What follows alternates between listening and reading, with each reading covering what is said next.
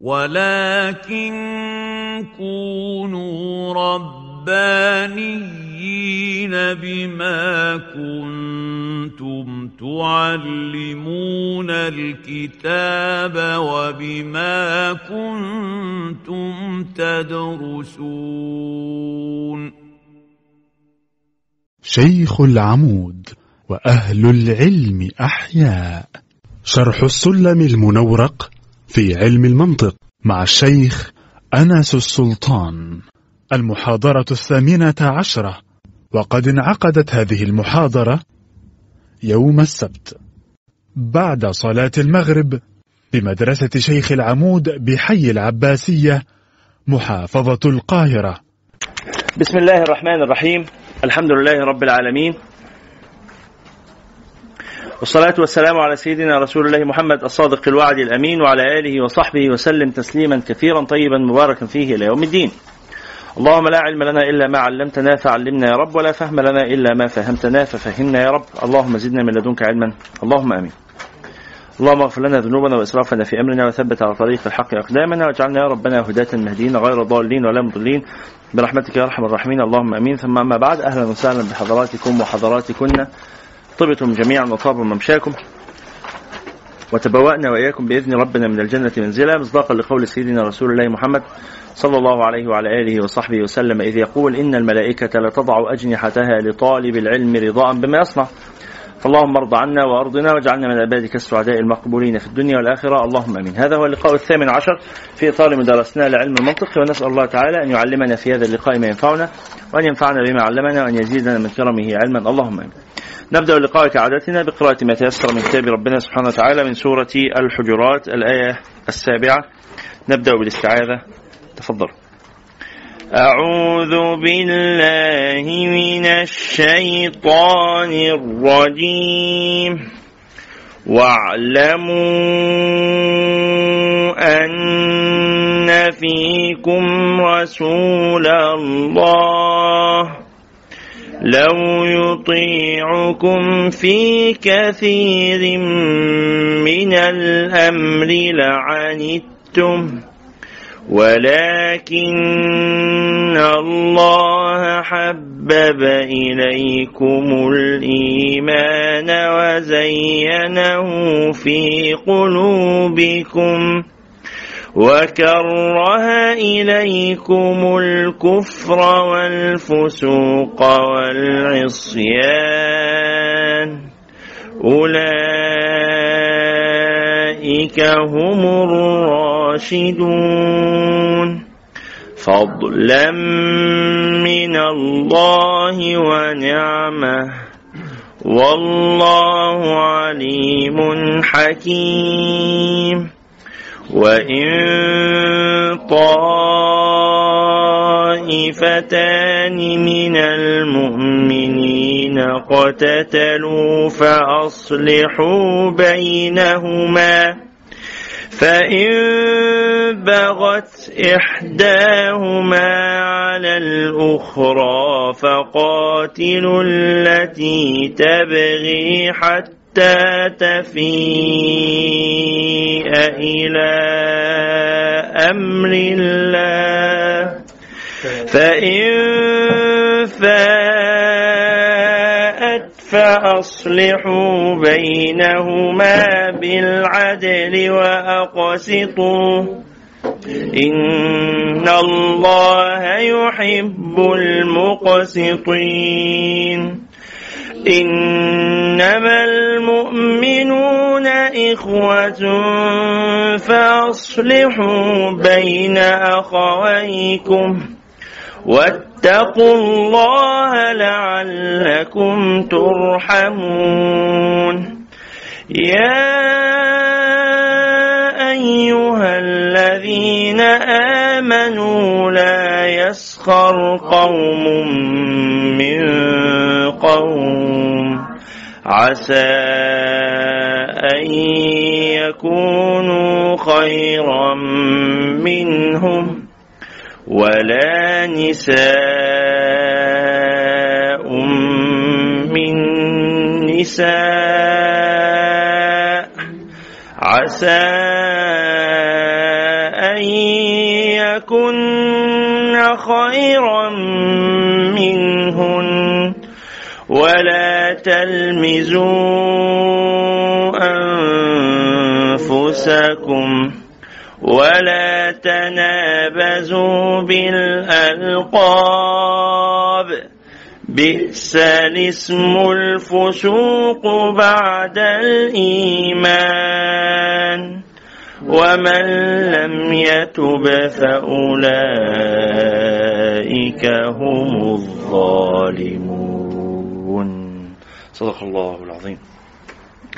وبلغ رسوله الكريم نحن على ذلك إن شاء الله من الشاهدين. نسأل الله تعالى أن يجعلنا وإياكم من أهل القرآن الذين هم أهل الله وخاصته. اللهم آمين. نواصل ما بدأناه. في اللقاء السابق نتحدث في القياس. تحدثنا في اللقاء السابق في تعريف القياس. صحيح؟ وذكرنا أنواع القياس. قال آه الماتن رحمه الله باب في القياس إن القياس من قضايا صورة مستلزما بالذات قولا آخر. ثم القياس عندهم قسمان فمنه ما يدعى بالاقتران وهو الذي دل على النتيجة بقوة واختص بالحملية غالبا. غالبا صحيح؟ وليس دائما. وذكرنا أن الاقتران منه اقتران حملي واقتران شرطي ولكن أكثر الاقتراني يكون في الحملي وأما ما يكون في الشرطي فيكون استثنائيا. يكون استثنائيا. ثم تحدث عن تركيب القياس الاقتراني فقال فإن ترد تركيبه. فركب مقدماتي على ما وجب. ثم ورتب المقدمات وانظر صحيحها من فاسد مختبرة مختبرة فإن لازم المقدمات بحسب المقدمات آتي. وما من المقدمات صغرى؟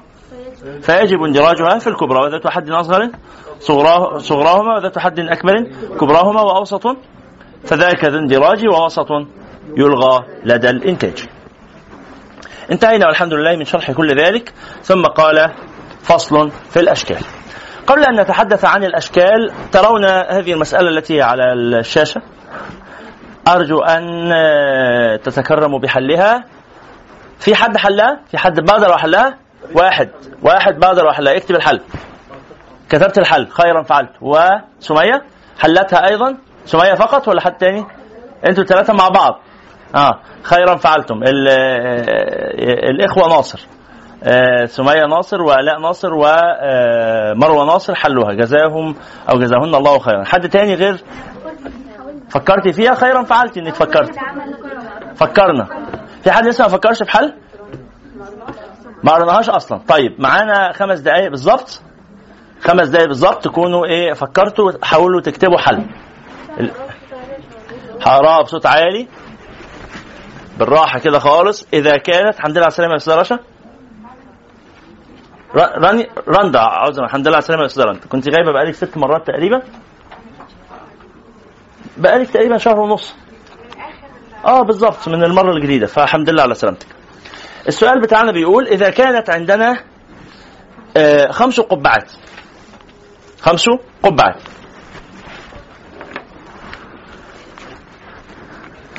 ثلاثة منها حمراء.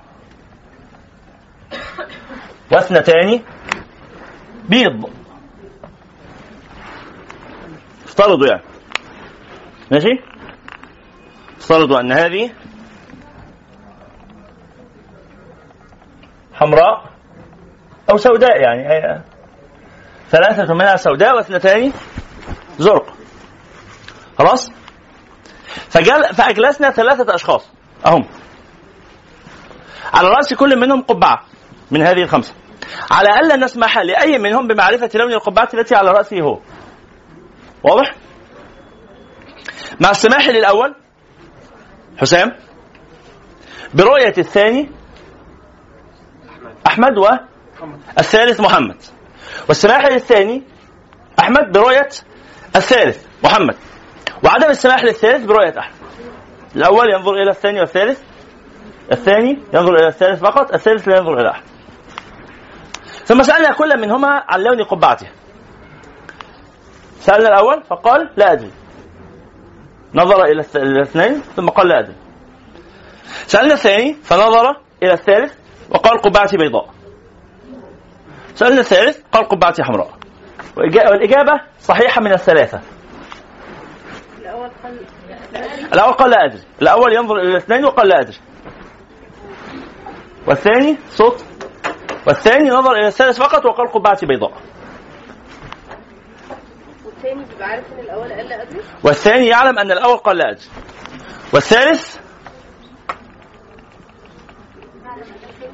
يعلم بإجابة الأول والثاني.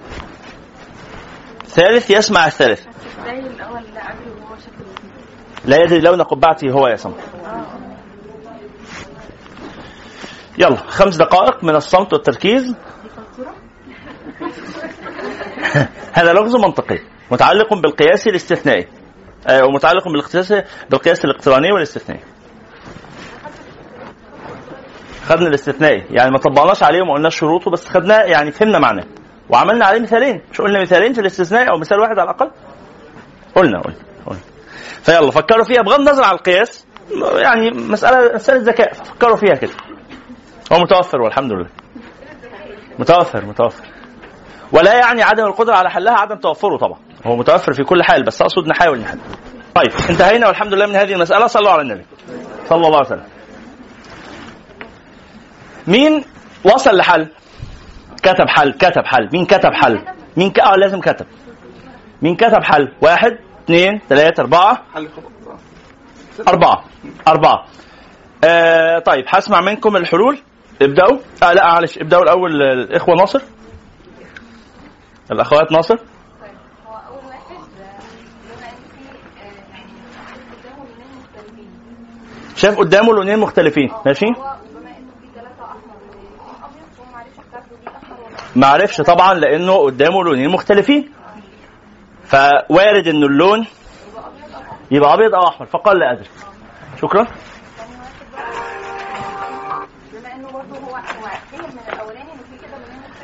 هو هو فهم من الأولاني إن في لونين مختلفين. تاني واحد ماشي. وشايف قدامه التالت أحمر. فقال لي بقى أنا أبيض يبقى صح مش شايف حاجة؟ بالظبط. ممكن نحييها تحية قوية؟ الإجابة دي صحيحة 100% لحظة واحدة بس مفيش أي ثغرات. وبطلي نفسنا ويعني و... اهدي بس على نفسك كده وما أجابوا إجابة صحيحة هنشوف أنت مشكلتك إيه إحنا نحلها لك. لحظة بس لا حي... البنات وما يعني إيه اصبر عليا نلحقهم لما يمسكوا في بعض. الأخت بقى اللي بتقول الإجابة دي غلط. ها؟ معلش نوسع على بعض شوية يا جماعة. ندخل جوه شوية. الحمد لله على السلامة يا أستاذ دعاء. اصبري يا سمر الله يخليك. يا يا اسحار نشوف حالة أختنا بس. نعم. الصوت رجاء. في حالتين الأول ما يقدرش يعرف فيهم القبعه بتاعته. لو الاثنين حمر لو ولو واحد ابيض بالراحة هحل لكم مشاكلكم اللي بالظبط واللايكات اللي عمال تحطها ح- غلط.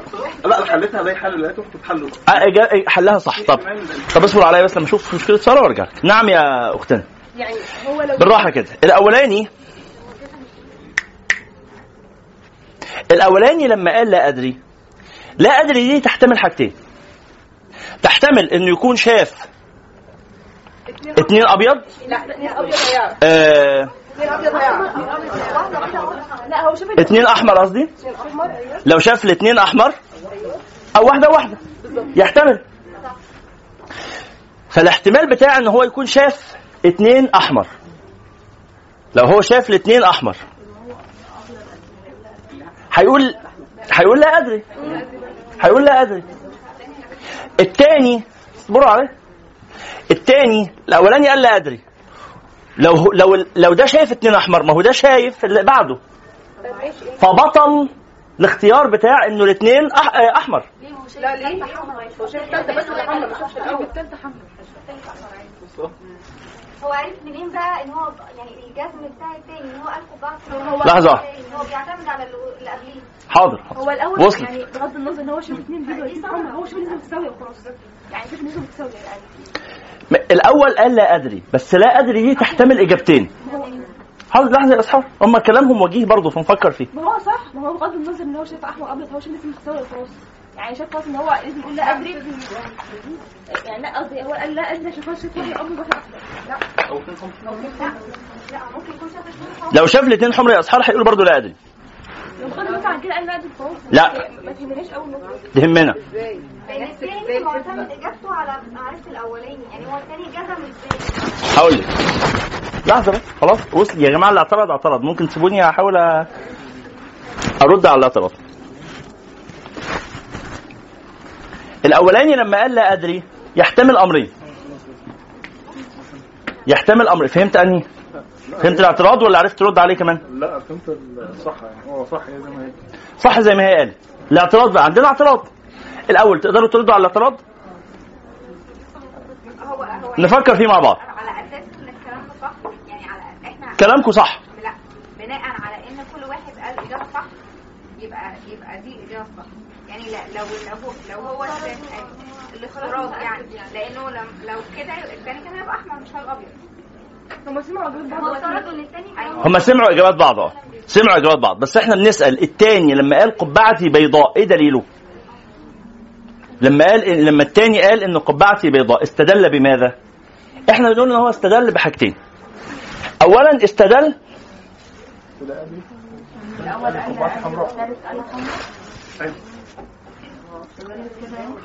آه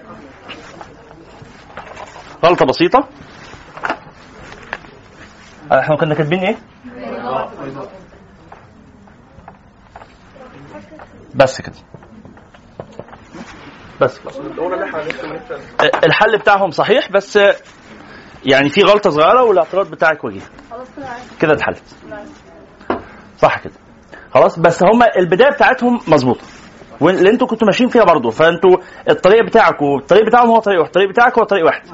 يعني كل اللي حل هم الثلاثه حلوا. الثلاث مجموعات اللي حلت حلت بطريقة صح.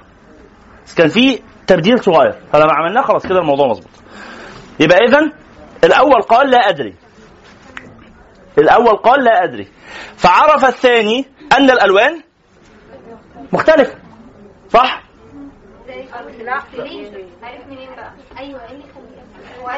هقول لك. لأن هو شايف الثالث هو شايف الثالث أبيض. فلو كان الاثنين بيض ما كانش قال أدري كان قال أحمر. ماشي؟ لو كانوا الاثنين بيض كان ده قال أحمر. بس ده مش عارف. فدول الاثنين مختلفين. لأن ده شايف ده أبيض. فهم مختلفين وده أبيض يبقى ده أحمر. فتيجي النتيجة الثالثه إن إحنا مختلفين بلا هيستدل بقول الأول لا أدري على إن إحنا مختلفين والثاني قال أحمر يبقى أنا أبيض. اتحلت كده. صليتوا على النبي؟ ممكن الأول قال الاثنين كلهم كل واحد. إيه القياس؟ لا. لا. لا إيه القياس بقى اللي استخدمه الثاني وإيه القياس اللي استخدمه الثالث؟ وإيه القياس اللي استخدمه الأول؟ يعني حطوا كلام كل واحد من الثلاثه في شكل قياس. أنتوا كلكم عرفتوا حل المسألة صح؟ في حد لسه ما عرفش حل المسألة؟ الجميع بقى لو سمحتوا ورقة فاضية كده يلا بسرعة.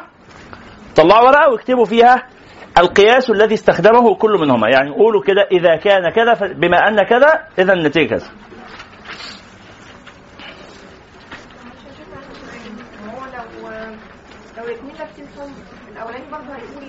لا. إيه، لحظة واحدة. لو الاثنين لابسين حمر هيقول لا أدري ماشي. وبعدين؟ التاني التاني شايف التالت. لو الاثنين لابسين حمر هيقول لا أدري والتاني هيبقى شايف التالت. فهيبقى شايفه لابس؟ يعني اتحلت؟ قولي لي لو لسه في مشكلة. مش يعني لو هو افترضي معايا انت هتفترضي إن الاثنين لابسين أحمر. الأولاني شايفهم هما الاثنين شايفهم هما الاثنين لابسين أحمر. يحتمل إن هو يبقى لابس أبيض أو يبقى لابس الثالثه الحمراء. صح ده اللي عايز تقوليه. جه الثاني جه الثاني قال الراجل ده لما قال لا أدري عنده حلين عنده اختيارين لا ثالث لهم. يا إما يكون شايفنا إحنا الاثنين أحمر يا إما يكون شايف واحد وواحد. فلو كان شايفنا إحنا الاثنين أحمر هيقول لا أدري. فأنا هبص جنبي ألاقي لابس أحمر خلاص يبقى أنا كمان أحمر. خلاص؟ لكن طالما قال أنا بقى بصيت جنبي فلقيت ده لابس أبيض. فاستدللت بأن لا أدري هذه لا يقصد بها إن مش إن إحنا الاثنين أحمر بل يقصد بها الاختيار الآخر إن إحنا مختلفين. الثالث الثالث مش محتاج يبص لحد أصلا. الثالث هيستدل طب أنا كده هبقى بحل المسألة. اكتبوا القياس. اكتبوا عملية القياس اللي كل واحد من الثلاثه قالها. قال الأول واكتب القياس بتاعه.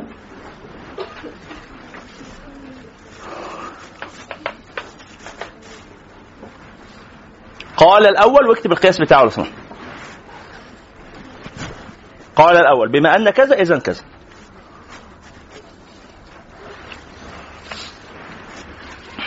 عارفين أنا نفسي في إيه؟ أنتوا بتحلوا كده.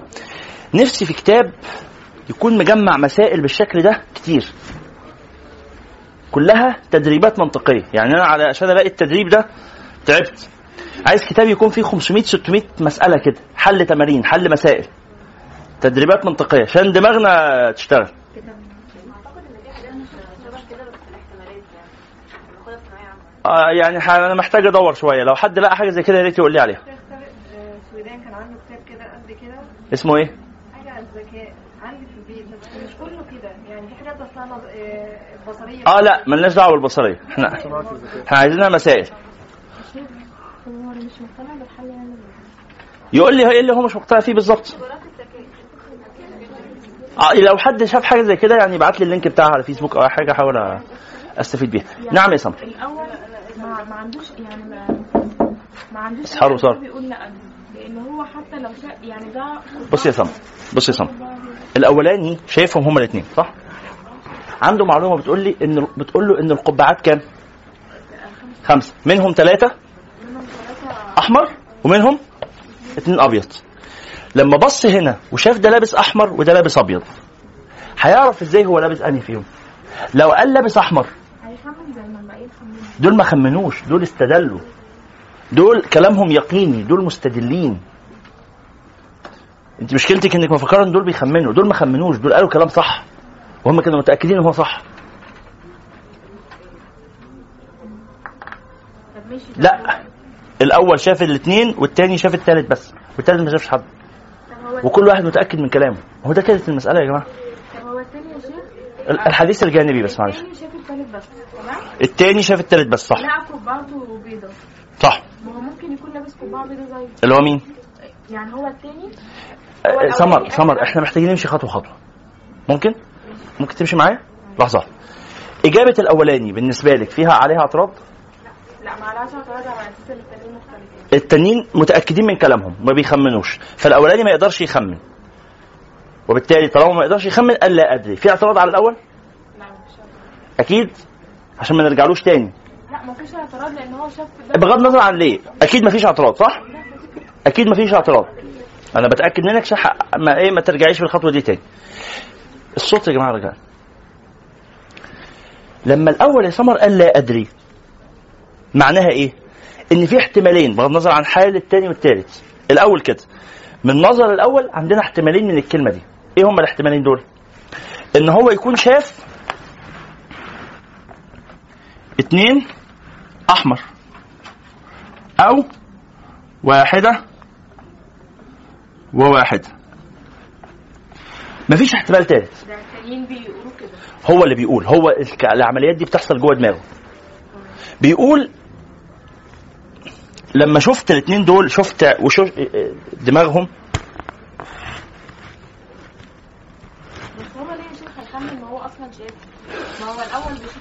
أقول لك على حاجة؟ أيوه ماشي ما أنا عارف. افترض إن هو لسه مش شايفهم خالص. افترض إن هو لسه مش شايفهم خالص. هيبقى عنده كام احتمال؟ هيبقى عنده ثلاث احتمالات. إيه هما؟ لا احتمالين يا إما الاثنين يكونوا زي بعض يا إما مختلفين. اتنين زي بعض دي اتنين زي بعض أحمر أو اتنين زي بعض أبيض أو مختلفين. يبقى كام احتمال؟ ثلاثة. يبقى اتنين أحمر أو اتنين أبيض أو واحدة واحدة. صح؟ دي الثلاث احتمالات اللي جوه دماغه. ده في حالة إن هو مش شايف ده في حالة إن هو مش شايفه؟ هقول لك أنا ليه بفترض إن هو مش شايفه. فلما بص عليهم هل الاثنين أحمر؟ فالفكرة دي ملغية. طب هل الاثنين أبيض؟ فالفكرة دي ملغية برضه. طب اذا هو ما عندوش اختيار غير إنه يقول لا أدري. ماشي؟ لأن هو مش عارف هم دول واحدة حمراء وواحدة بيضة فهو احتمال يكون معاه البيضة الثانية أو الحمراء الثالثة صح كده؟ يعني يا إما تكون مع البيضة الثانية يا إما تكون مع الحمراء الثالثة هو لسه ما يعرفش. فقال ما أعرفش. خلصنا. خلصنا منه؟ والاحتمالات دي لسه باقيه معانا كاحتمالات كانت واردة بس اتلغت خلاص. ورحنا للتاني. يا حضرة التاني انت انت عندك معلومتين. المعلومة الأولى اللي هنا دي. ثلاثة أحمر واثنين أبيض. دي معلومة؟ المعلومة الثانية اللي عندك يا حضرة ال- التاني إن الراجل ده قال لا أدري. وطالما قال لا أدري يبقى احتمال اتنين أبيض ده ملغي. ليه احتمال اتنين؟ ده, ده اللي بيقول الكلام ده مين دلوقتي؟ مين اللي بيتكلم؟ التاني. ليه بيقول ليه التاني بيقول كده؟ لأنه بيقول لو كان احتمال اتنين أبيض ده حقيقي وحاصل كان الأول هيبقى متأكد انه لابس أحمر لأن الاتنين أبيض خلصوا خلاص. فلو أن الأول رآني ورأى صديقي كلانا أبيض كان قال إن هو أحمر. مقتنعة؟ وبالتالي فالاحتمال اللي اسمه اتنين أبيض ده ما بقاش وارد. ده كلام مين دلوقتي؟ الشخص التاني. بيقول يا جماعة بيقول يا جماعة لو كان شايفنا إحنا الاثنين أبيض كان عرف وتأكد إن إحنا إن هو أحمر. وبالتالي طالما قال لا أدري يبقى الاحتمال بتاع اتنين أبيض ده لاغي مش وارد أصلا. طب عايز إيه يا حضرة الإنسان التاني؟ يبقى هو كده شاف التالت أبيض يبقى هو أكيد يبقى أحمر. التاني لسه أنا ما زلت جوه دماغ التاني دلوقتي. فالتاني بيقول اذا أكيد إحنا الاثنين مش أبيض. أمال قال يبقى في لسه باقي لي احتمالين. يا إما نكون إحنا الاثنين أحمر والأول يقول لا أدري عشان احتمال يكون معاه الأحمر الثالثه أو نكون واحدة وواحدة. أنا لسه ما أعرفش لسه ما وصلتش للثالث الاحتمالين دول جوه دماغي صح؟ عايز أتأكد من أنهي فيهم هو الاحتمال الصح. أعمل إيه؟ أبص للثالث فلما أبص للثالث ألاقيه أبيض. هل احتمال يبقى أنا كمان أبيض؟ لا لأن أنا لغيت الاحتمال بتاعت الابيض ده. بالظبط. فإذا طالما هو أبيض وأنا أكيد مش أبيض فيبقى أنا أحمر. فيبقى الاحتمال بتاع اتنين أحمر ده كمان احتمال لا. وصلت؟ لأن إحنا أنا شايف إن إحنا مختلفين. تمام؟ أنا أنا أحمر. خلاص عرفت إن أنا قبعتي حمراء. خدنا المعلومات دي كلها التالت ما بيبصش على حد التالت عنده معلومات بس.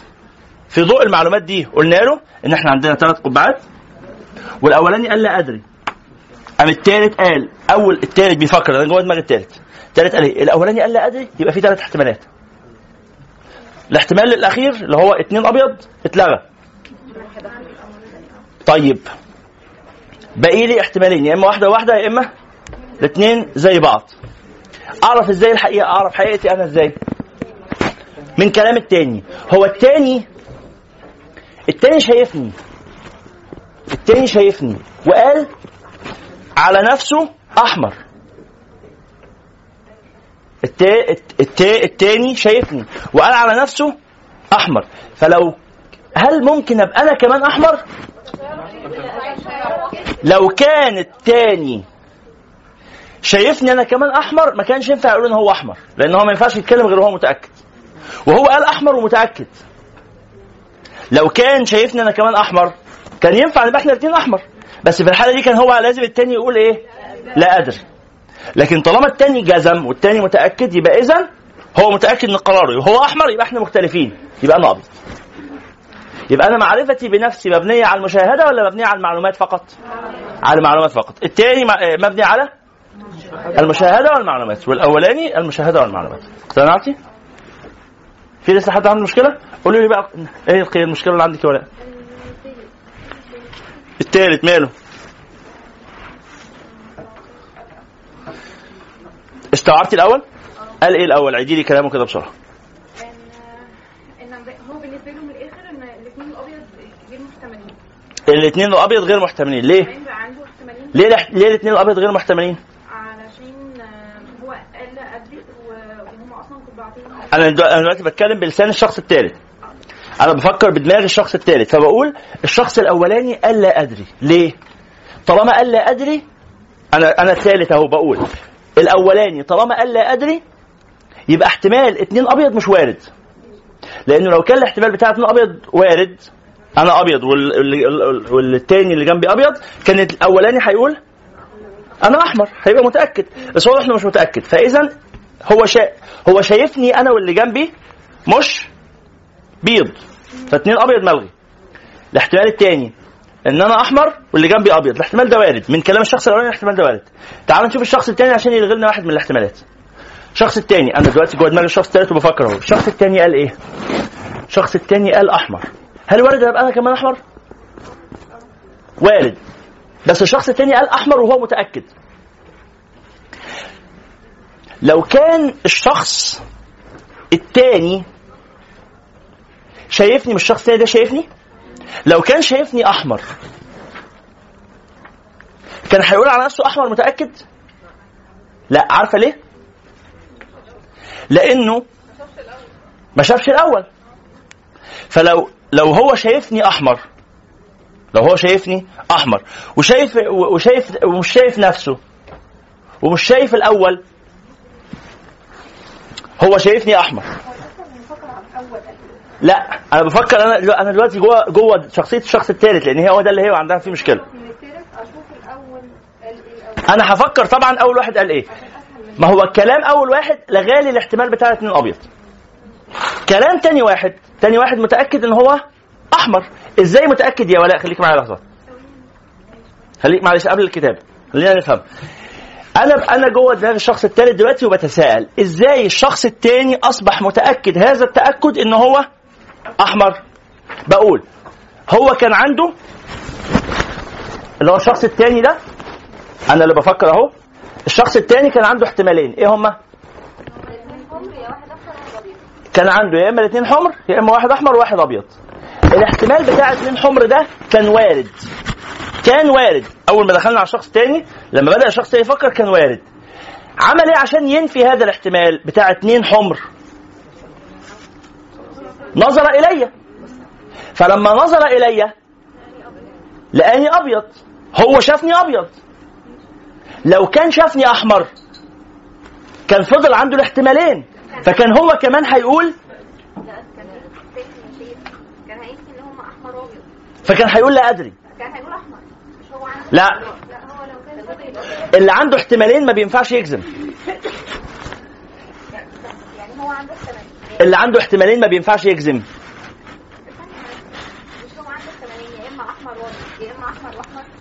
يا إما أحمر وأبيض يا إما أحمر وأحمر. آه. لو هو كان وشافه أحمر كان هيعمل إيه ساعتها؟ كان هينفي احتمال إن يبقى أحمر وأبيض. لا مفيش حاجة تنفيه. كان ممكن يبقى إحنا الاثنين أحمر. تعالى يا حسام اتغيرتش ما اتغيرتش تعالى يا اقف جنبي. لو سمحت. مفيش مشكلة. الأول تاني تالت. الأول بص لنا إحنا الاثنين التاني بص لي. التالت مش شايف حد. ماشي كده؟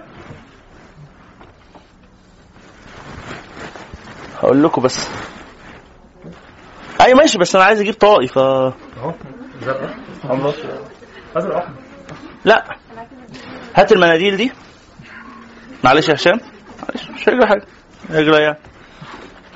شكرا جزيلا. اتفضل يا أحمد.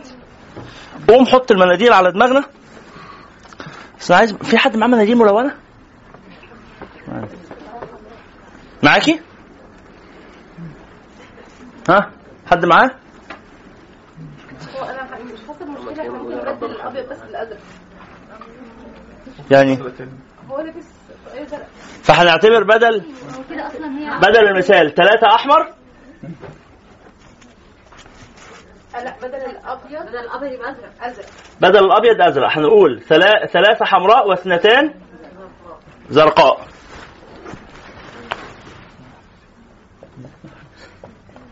زرقاء. ثلاثة حمراء واثنتان زرقاء. فقال الأول زرقاء. ماشي. فقال الأول لا أدري. وقال الثاني قبعتي حمراء. وقال الثالث قبعتي زرقاء. طب ليه؟ لا هات ما أنا عايز أتكلم بلسان الشخص الثالث لا يا حسام معلش. بعد إذنك. شكرا. لو حد دخل دلوقتي أنا مستقبلي هتفصل. والله العظيم أنتوا ورايا في المجموعة دي لغاية أما أقعد في بيتنا. ما أعرفش أعمل حاجة خلاص. يا رب ما حد يدخل يا رب. إدارة المدرسة هيفصلوني. في كاميرا شغالة؟ مش مهم دول زملائنا اللي هيشوفوا الكاميرا مش الإدارة. أنا ما بخافش من الزملاء بخاف من الإدارة. طيب. الآن إحنا واقفين أهو كل واحد شايف اللي قدامه صح كده؟ أنا ما أعرفش لون الطاقيه اللي على دماغي. ما أعرفش. ولا اللي هو اسمه؟ ولا حسام يعرف. و- لكن محمد؟ محمد يعرف إحنا الاثنين. محمد شايفنا وإحنا عارفين في معلومة عندنا إحنا الثلاثه إن القبعات كام؟ خمسة. منها ثلاثة أحمر واثنين أزرق. هيبدأ المستجوب اللي هو أحمد وحيد. يلا يا أحمد. تفضل بالسؤال. أنا بسمع بس ما بشوفش. بسمع وبركز وبستنتج. اتفضل يا أستاذ أحمد ابدأ استجوابك. محمد أنت الأول. آه، لون القبعة اللي على راسك إيه؟ لا أدري. أنا شايف واحد أحمر وواحد أزرق. فدي عندي احتماليه أنا شايف. هو هو المفروض ما يقول آه ما تقولش أنت. هو هو جوه دماغه. ال- الكلام اللي بيقوله ده جوه دماغه. إحنا مش سامعين. فانا لا أدري. لا كمل الكلام اللي جوه دماغك. إحنا مش سامعين. فأنا لا أدري ليه عشان شايف واحد احمر وواحد أزرق. فانا عندي احتمالين يا إما أحمر يا إما أزرق فلا أدري. يعني هو محمد ينفع يكون لابس أحمر أو لابس أزرق؟ ما مش متأكد اهو طيب. الثاني حسابي أنا قبعتي حمراء. عرفت منين؟ لأن هو في احتمالين إن واحدة تكون الأولاني إن الاثنين زرق والثاني إن واحدة حمراء وواحدة زرق. تمام. الاولاني إن الاثنين حمر والثاني إن واحدة حمراء وواحدة زرق. تمام. وبما إن في واحدة زرقاء يبقى الثالثه الحمر يبقى الثانية هي الحمر على اللي على راسك هي. الحمر تمام. هو المفروض اعتمد على كلامك ده اوصل لنتيجه يعني أنا لو مشيت ورا كلامك يا حسام مش عارف هوصل ده منهور مثلا. طيب. إيه تاني يا حسام كلامك؟ حسام قال إن هو لابس إيه؟ أنا مش عايز كل التفاصيل أنا في الآخر حسام قال إن هو لابس أحمر. طيب هقعد أنا أفكر بقى. لحظة. الاولاني طيب. أنا ما أعرفش ما أعرفش خالص اللي فوق دماغي لونها إيه. أنا بص قدامي أهو. قدامي مروحة. قدامي مروحة. مش شايف اللي ورايا. هو إحنا معانا كام قبعة؟ خمسة. ثلاثة أحمر. واثنين أزرق. أول واحد قال ما أعرفش. ليه قال ما أعرفش؟ طالما قال ما أعرفش يبقى حاجة من حاجتين. يا اما عارف لو كنت أنا واللي ورايا لابسين أزرق كان هو عرف لأن هو الازرق منه اتنين بس وخلاص خدناهم. فطالما قال ما أعرفش يبقى يبقى أكيد مش اللي إحنا مش إحنا الاثنين أزرق. ممكن نكون إحنا الاثنين أحمر. ممكن. وممكن أبقى أنا أزرق وهو أحمر. أو العكس ممكن أنا الاحمر وهو أزرق. وارد كله. بس مش هو شايفني؟ اللي بعدي على طول شايفني. هو قال عن نفسه إيه؟ قال عن نفسه أحمر. هو قال عن نفسه أحمر ليه؟ لأن هو شايفني ولأنه عنده الاحتمال بتاع الأولاني. الاحتمال بتاع الأولاني الكلام الأولاني لغى الاحتمالين الاثنين زرق فاتفضل عنده الاحتمال بتاع اتنين أحمر أو الاحتمال بتاع واحدة أزرق وواحدة أحمر. اطلع بره اطلع بره لو سمحت. بعد إذنك. بعملوا لنا ترباء إيه إيه إيه، بسرعة مدير المتابعة جاي. اقفل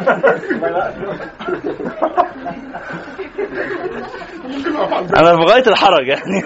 مش مهم خليها لا لا خلاص مفيش حاجة. ولا الاحتمال بتاع الاثنين حمر. أخويا اللي ورايا لغى الاحتمال بتاع الاثنين حمر. الاثنين حمر. لا. لغيت كلام كلام؟ فهمي لغى احتمال الاثنين لغى احتمال الاثنين زرق أول واحد. لغى احتمال الاثنين زرق تاني واحد لغى الاحتمال بتاع الاثنين حمر. ليه التاني لغى الاحتمال بتاع الاثنين حمر؟ لأنه لأنه لو كان احتمال الاثنين حمر ده قائم. يعني لو كان شافني أنا لابس أحمر. كان هو مش هيبقى متأكد من من قراره. لأن لو أنا لابس أحمر هو جوه هو هيقول إيه؟ هيقول أنا أنا يا إما لابس أحمر زيه يا إما لابس أزرق. ده وارد وده وارد. فما أعرفش. وطالما ما أعرفش هقول لا أدري. هو قال لا أدري؟ ما قالش لا أدري. هو واضح إنه متأكد. فطالما هو متأكد يبقى اذا هو متأكد عن طريق إيه؟ عن طريق إن هو سامع وشايف. فلم يتبقى له إلا إن هو يكون شايفني. وشايفني أزرق فقال على نفسه أحمر. مش هو شايفني أزرق؟ وكلامه ده صحيح؟ والراجل أحمد لما سمعه أحمد وحيد المستجوب لما سمعه قال له إجابة صحيحة خلاص أنا أستدل بهذا الكلام الذي سمعته فقط ولم أرى شيئا أستدل أنني أنا ارتدي القبعة الزرقاء. صحيح؟ ولا بس. وصلى الله على سيدنا محمد. خد يا أستاذ طاقيتك شكرا جزيلا. جزاك الله خيرا. يا سلام. اتفضل كمل الدرس كله وأنا لابس آه، أنا لابس كاب إيه بقى نوع القضايا؟ نوع القضايا. تعالوا نمسح كده الكلام ده ونشوف نوع القياس بقى. نوع القياس. بما ان واذا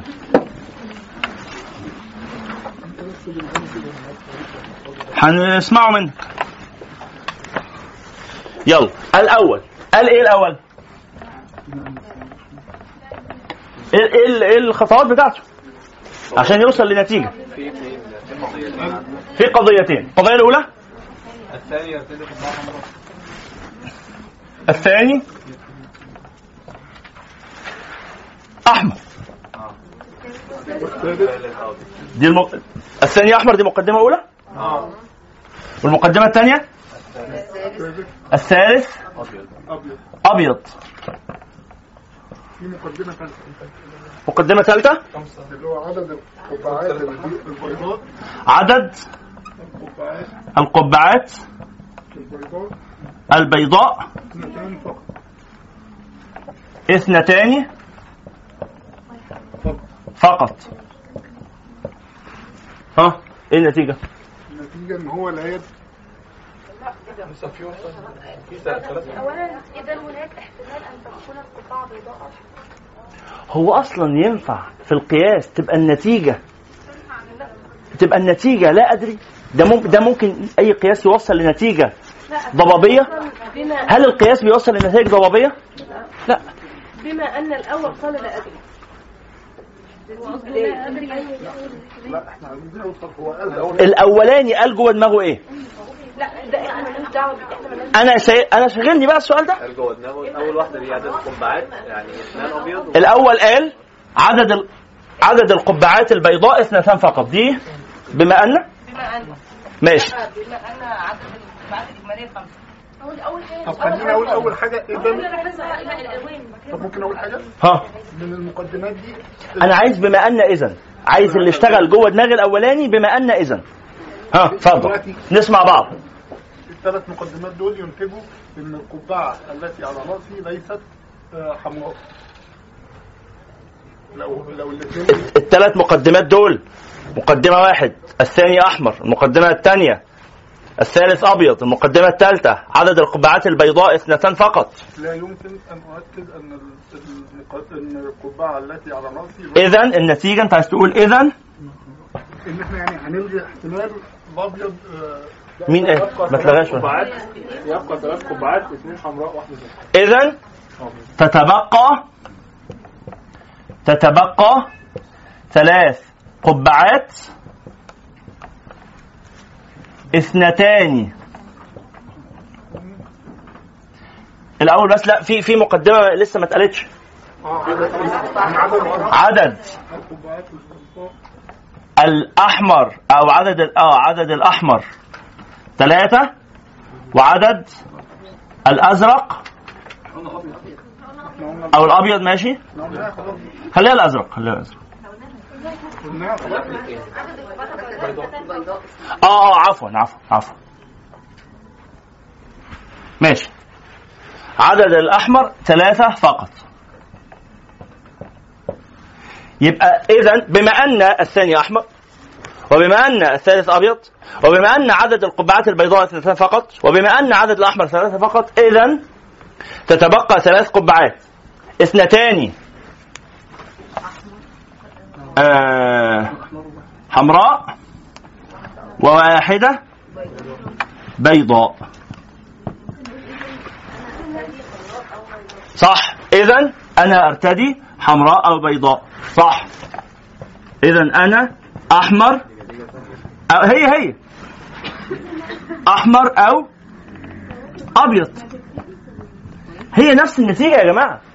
هي نفس الكلام. اللي كتبته ده صياغة مختلفة بس.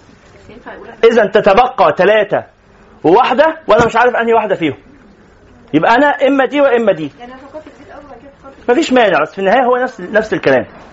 نفس المنتج نفس النتيجة. أنا أحمر أو أبيض؟ وطالما أنا أحمر أو أبيض يبقى لا أدري مش متأكد.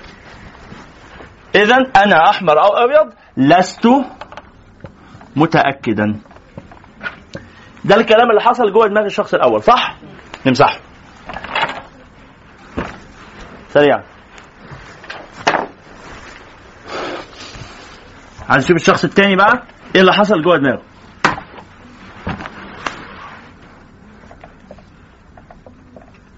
ها امسح. يلا بينا. الشخص التاني إيه اللي حصل جوه دماغه؟ أول حاجة قال. بما أن؟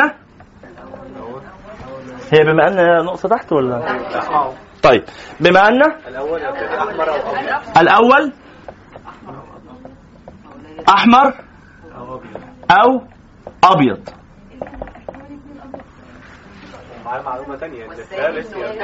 وبما أن ده الثاني هو اللي بيتكلم دلوقتي. آه بيقول بما أن الثالث أبيض. ابيض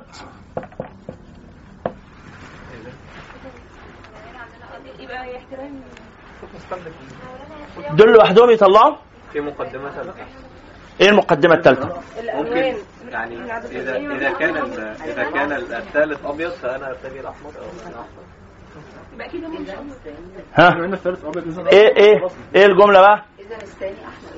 إن عدد عدد إن عدد القبعات البيضاء قبعات وبما أن لسه تاني وبما أن عدد الأبيض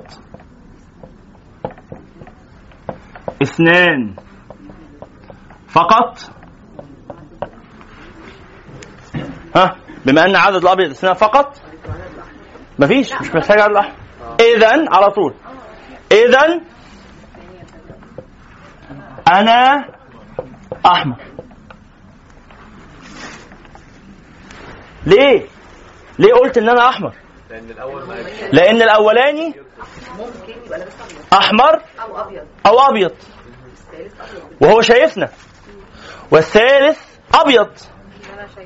اللي أنا شايفه. وعدد أبيض اثنان فقط. لو كنت أنا كمان أبيض كان الأول قال كان الأول جزم إنه أحمر. صح؟ لكنه لم يجزم. لكنه لم يجزم. اذا أنا أحمر. الثالث قال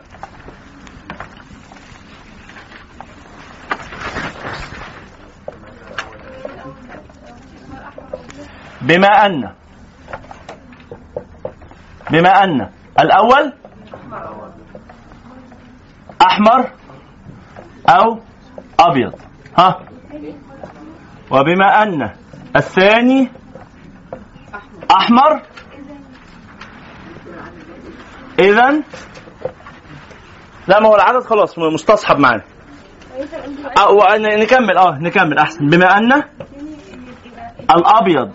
بما أن الأبيض اثنان فقط. مش محتاجين المعلومة دي. بما أن الأبيض اثنين فقط. خالص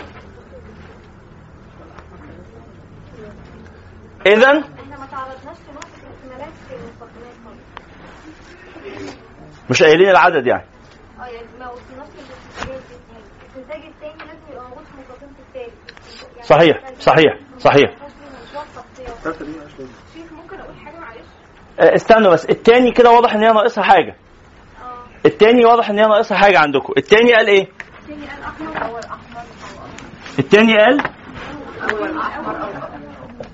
الأول أحمر أو أبيض. ده كلام مين؟ ده كلام الثاني ده. ها؟ وبما أن الثالث أبيض. وبما أن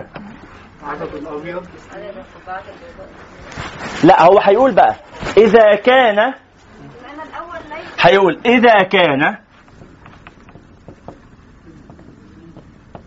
الأول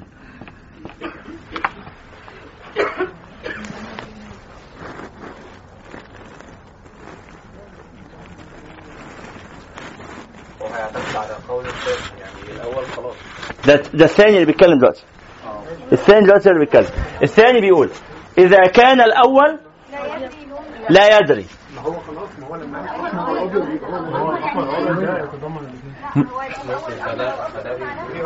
هو ماشي هو هو هو عايز عايز يقيس بقى تقول ان هو كان شافني مثلا ابيض كنت أنا بقى بالظبط بالظبط اذا كان الأول لا يدري إذا كان الأول لا يدري. والثاني لا والثالث؟ أنا الثاني يا جماعة اللي بتكلم. إذا كان الأول لا يدري. والثاني؟ عفوا والثالث؟ والثالث أبيض. ماشي ماشي ماشي. فأنا أنا عايز أمسح اللي قبله فعلا إذا كان الأول لا يدري. والثاني أبيض.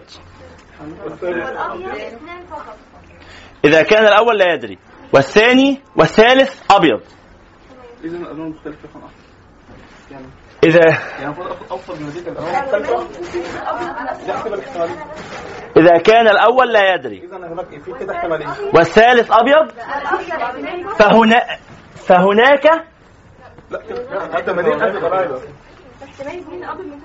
بالظبط إذا كان الأول لا يدري والثاني يكون والثاني ثلاث فلست أبيض. فلست أبيض. ها إذا كان الأول لا يدري والثاني أبيض ف فأنا لست أبيض. لسه لسه الخطوة الأولى عشان بس ألغي الاحتمال. إذا إذا كان إذا كان الأول لا يدري والثاني أبيض فأنا لست أبيض. إذا كان الأول لا يدري. والثالث أبيض. مقدمة ثانية. إذا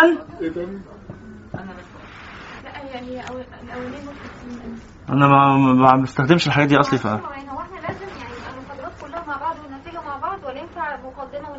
ما هي؟ ما هي؟ مقدمة هي إذا كان الأول لا يدري. مقدمة أولى. والثالث أبيض.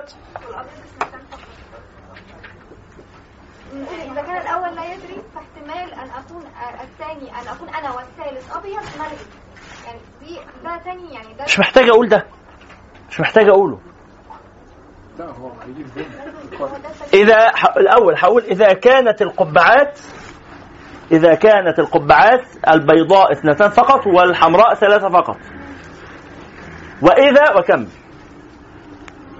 أهو ده يعني لو أنت عايزة في المقدمة أقول إذا كانت القبعات أو إذا كان الأحمر على طول إذا كان الأحمر ثلاثة فقط. والأبيض اثنين فقط. ماشي يا أستاذ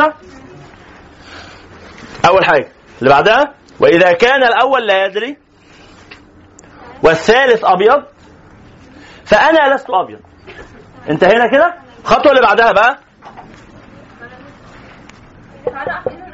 بما أن أنا لست ان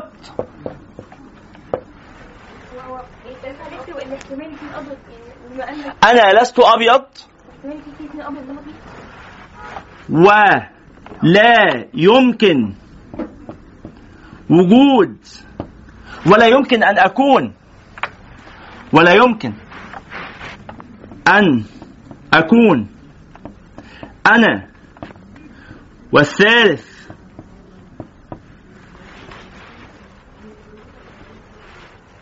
إيه، أنا عرفت إن أنا لست أبيض. ولا يمكن أن أكون أنا والثالث أحمر. ولا يمكن وجود أما استنى لحظة واحدة هو مش أنا متأكد إن أنا مش أحمر؟ آه إن أنا مش أبيض؟ خلاص. أنا آسف أنا آسف. أنا لست أبيض ده أكيد صح؟ أنا أكيد مش أبيض. اذا أنا لست أبيض. هي هي. يساوي أنا أحمر. بس كده.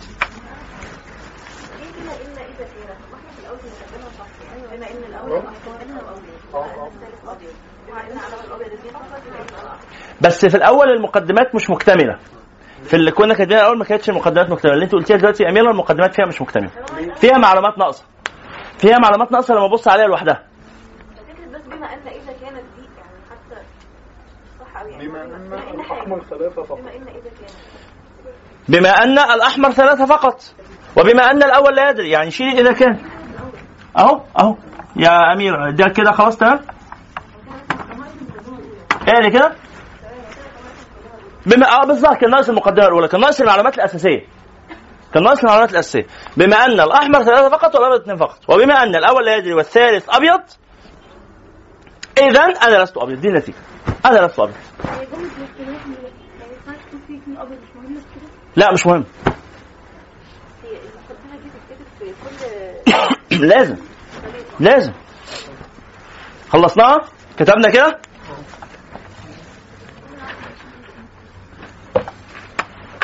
حاضر؟ الشكل النهائي اهو للكلام الثاني قال إيه؟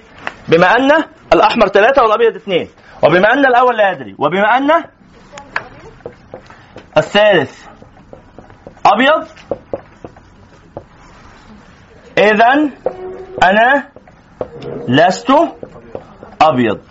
هو ده يا أصحاب اللي أنت عايزاه؟ أنت عايز تقولي هو ليه قال أنا لست أبيض؟ خلاص موجودة متضمنة. متضمنة. لأن هو الثالث أنا شايفه أبيض. والأول لا يدري. والأحمر ثلاثة والأبيض اثنين فأنا بالتأكيد لست أبيض. لأن لو كنت أبيض ما كانش ده يبقى لا أدري. خلاص؟ اذا أنا لست أبيض اللي هي تساوي أنا أحمر. خلصناه نكتب بقى الثالث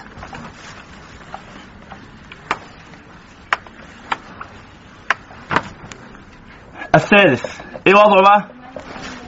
بما أن الأحمر لازم دي. بما أن الأحمر ثلاثة فقط. والأبيض اثنان فقط. وبعدين وبما أن الأول الأول لا يدري. وبما أن الثاني أحمر أنني لأنه لا يرى لأنه لا يراني أحمر الثاني الأحمر لأنه لا يراني أحمر ما هو الثاني أحمر؟ وبما أن الثاني الأحمر لأنه لا ما هو بما إن الثاني متأكد أنه أحمر.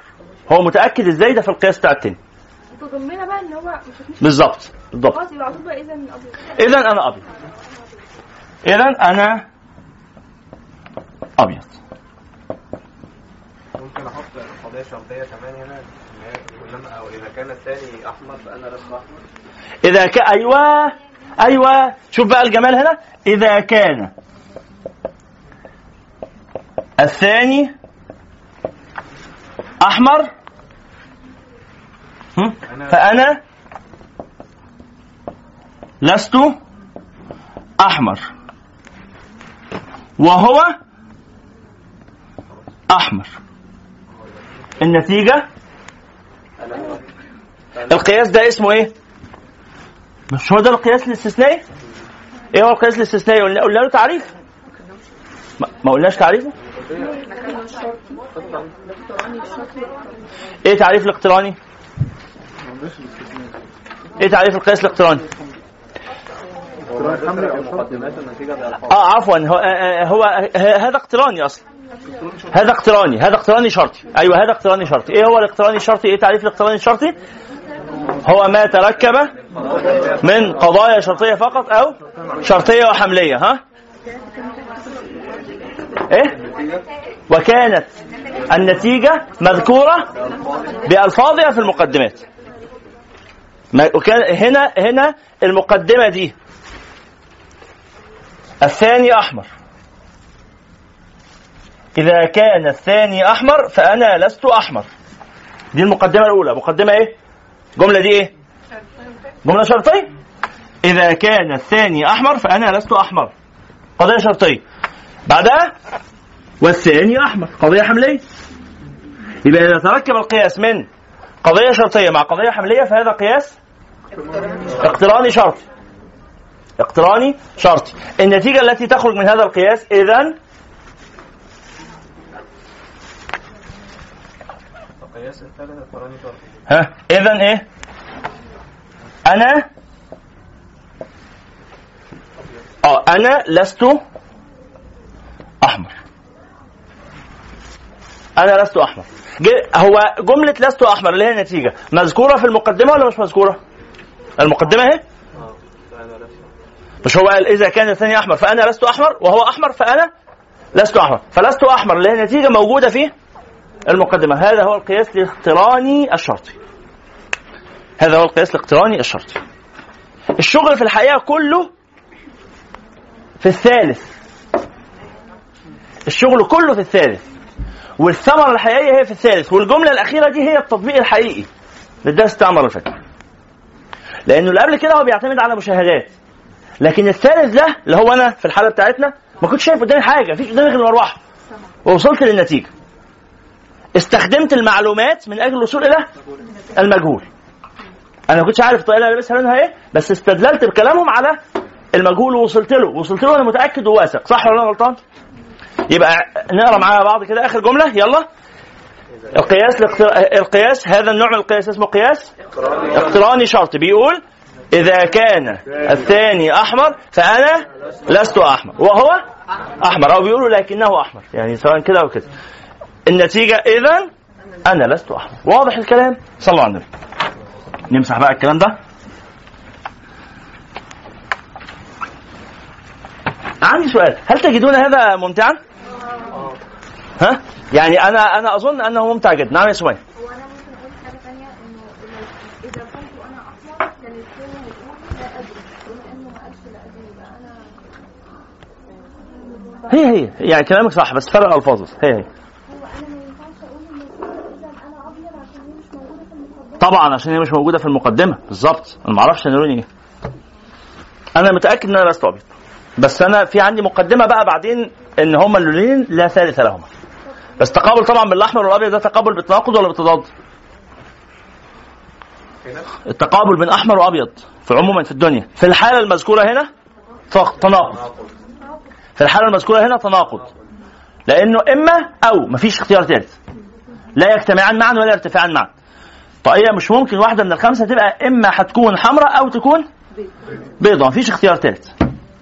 لكن عموما في الدنيا التقابل بين الأحمر والأبيض تقابل بالتضاد طبعا طب- معلش هو ال- ال- القضية اللي إحنا كلمناها اللي هي هو احمر دي ما يبقالهاش صيغه ثانية يعني لازم أقول وهو احمر يعني لو عايزه أجيب قضيه حمليه بالجمله دي هقول والثاني والثانيه أه.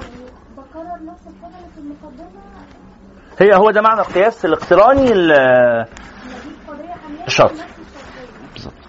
طيب تمام كده؟ تعالوا بقى نقرأ الأشكال. الأشكال دي حاجة ممتعة ويعني فيها شغل بقى إيه؟ ما أقولكوش بقى. كل عندي أربع أشكال وكل شكل دي يطلع منه 16 ضرب. ضرب. آه. أيوه نوع. نوع. مش درب لا ضرب ضرب. وإيه هو الضرب؟ هنقول. المهم إن إحنا أنا عندي كده كام؟ 16 في 4 بكام؟ 64 يلا بينا. معانا 64 ضرب. هنطلعهم إن شاء الله. وهتطلعوهم أنتوا. طبعا ال 64 مش كلهم منتجين. في حاجات مش منتجه أغلبهم مش منتج أصلا. هنشوف دلوقتي. فصل في الأشكال. ها؟ إحنا قريناه ولا لسه؟ قريناه بس ما حفظناهوش. يلا. فصل في الأشكال. ما سمعش. فصل في الأشكال. الشكل عند هؤلاء الناس يطلق عن قضيتي قياس ها؟ من غير أن تعتبر الأسوار إذ ذاك بالضرب له يشار. من غير أن تعتبر الأسوار إذ ذاك بالضرب له يشار. من غير أن تعتبر الأسوار إذ ذاك بالضرب له يشار. غير أن تعتبر الأسوار إذ ذاك بالضرب له يشار. من غير أن تعتبر الأسوار إذ ذاك بالضرب له يشار. غير أن تعتبر وللمقدمات أشكال فقط أربعة بحسب الحد الوسط. وللمقدمات أشكال فقط أربعة وللمقدمات أشكال فقط أربعة بحسب الحد الوسط. وللمقدمات أشكال فقط أربعة بحسب الحد الوسط حمل بصغرى وضعه بكبرى يدعى بشكل أول ويدرى.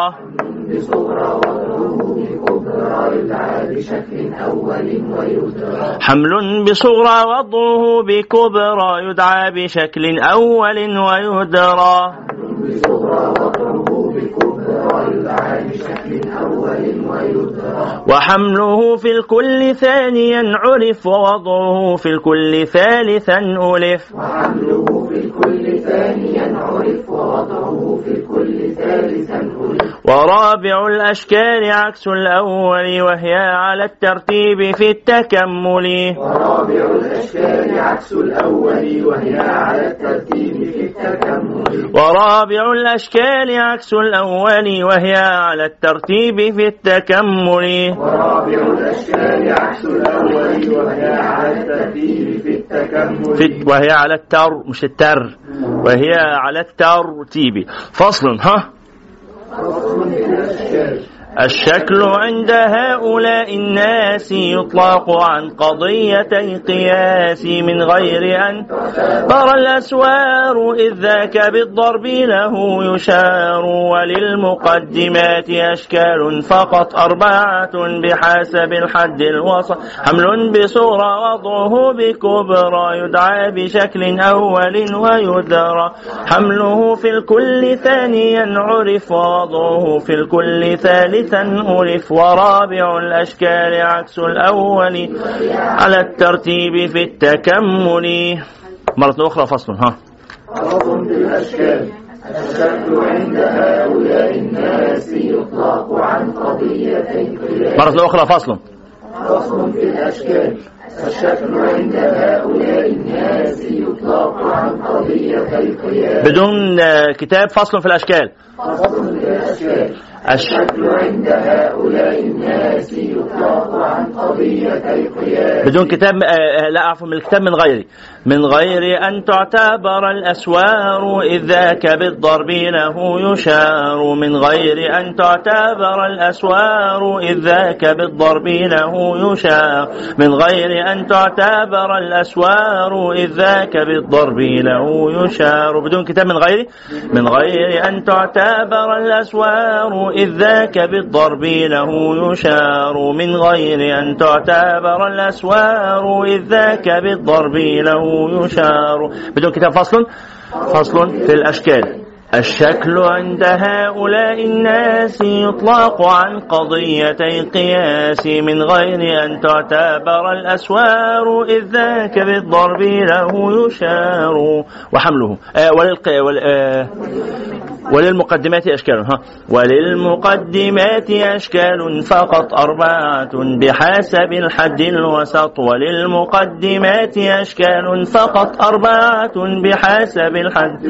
وللمقدمات أشكال فقط أربعة بحسب الحد الوسط وللمقدمات أشكال فقط أربعة بحسب الحد الوسط بدون كتاب ولا المقدمات وللمقدمات أشكال فقط أربعة بحسب الحد الوسط بدون كده فصل فصل في الأشكال الشكل عند هؤلاء الناس يطلق عن قضيتي قياس من غير أن تعتبر الأسوار إذ ذاك بالضرب له يشار. وللمقدمات أشكال فقط أربعة بحسب الحد الوسط حمل بصغرى وضع بكبرى يدعى بشكل أول ويدرى. حمل بكبرى يدعى بشكل أول ويدرى. حمل بصورة وضعه بكبرى يدعى بشكل أول ويدرى حمل بصورة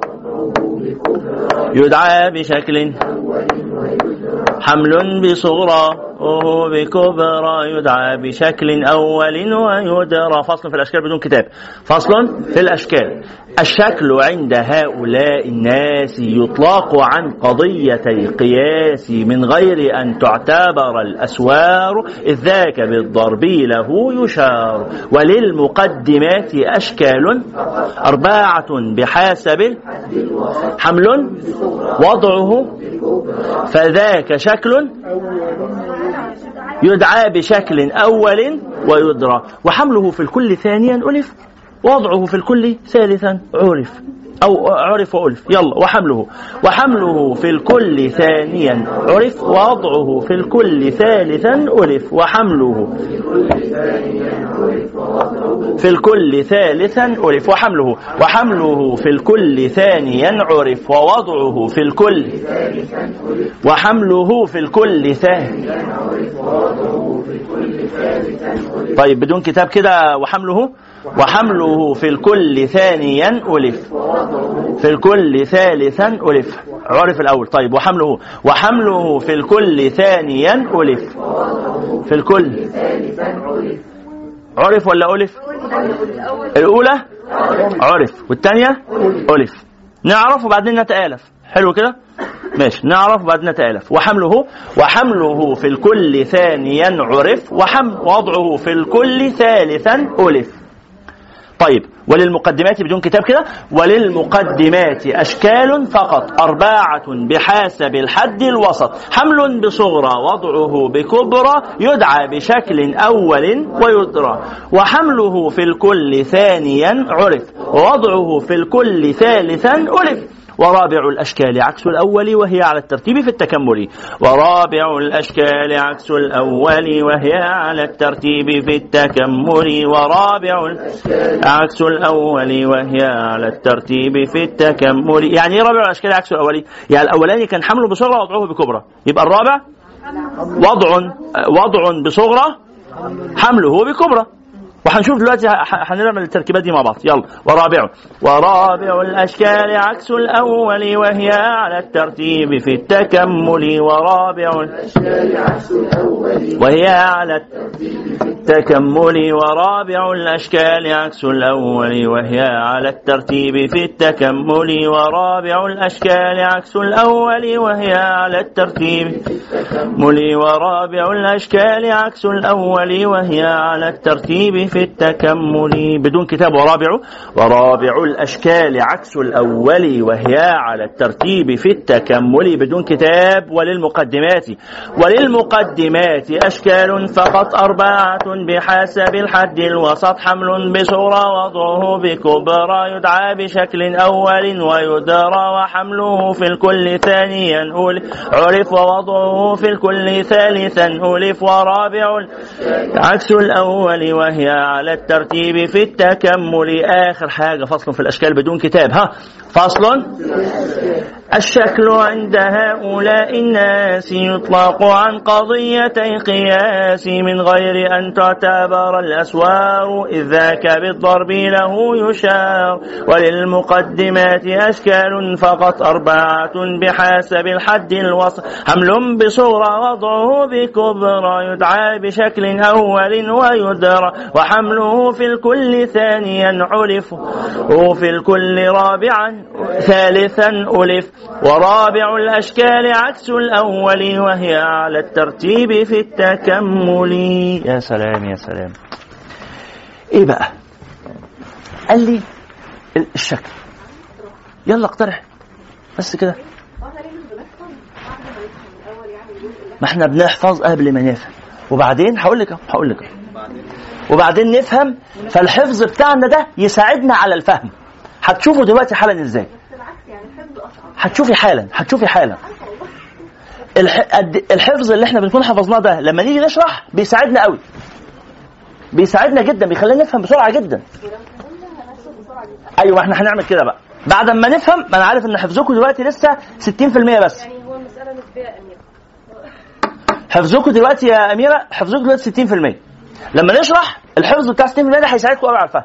لما نفهم ونرجع للحفظ هتلاقيه بقى 90 95% اقتراحك حسن ووجيه وجيد وشكرا لك عليه وهو مرفوض. يلا. لا والله اقتراح جميل ووجيه ومنطقي وإحنا هنلتزم إن شاء الله بعد ما نخلص مرحلة الإيه؟ الشرح. يلا. الشيخ قال لي إن في حاجة اسمها يا أولاد الأشكال. إيه يا عم الشيخ موضوع الأشكال دي؟ قال هقول لكم أهو. اصبروا عليا قال لي الشكل عند هؤلاء الناس يطلق عن قضيتي قياس. يعني لما رتب القضايا مش عندي قضية كبرى وقضية صغرى؟ وذات حد أكبر؟ وذات حد أصغر؟ صغراهما وذات حد أكبر؟ كبراهما وأوسط؟ فذاك ذو اندراج ووسط. يلغى لدى الإنتاج. إحنا قلنا المرة اللي فاتت إن في حاجة اسمها حد أكبر وحد أصغر وفي حاجة اسمها مقدمة صغرى ومقدمة كبرى. إيه هو الحد الأصغر؟ موضوع النتيجة. موضوع النتيجة. وإيه هو الحد الأكبر؟ محمول النتيجة. إيه هي المقدمة الصغرى؟ التي فيها موضوع النتيجة. وإيه هي المقدمة الكبرى؟ التي فيها محمول النتيجة. ال- الحاجات دي كلها قلناها والتعريفات دي كلها واضحة في ذهننا من المرة اللي فاتت بشكل جيد جدا وبنبني عليها دلوقتي وشغالين. طبعا اللي ما ذاكرش من المرة اللي فاتت أو كده ما فيش مشكلة. يذاكر بسهولة وهيحصلنا. الموضوع في غاية السهولة والبساطة واليسر والجمال. يبقى أنا عندي أربع أشكال. إيه هما؟ افترضوا إن أنا هرمز للموضوع بالدايرة وهرمز للمحمول بالنجمة.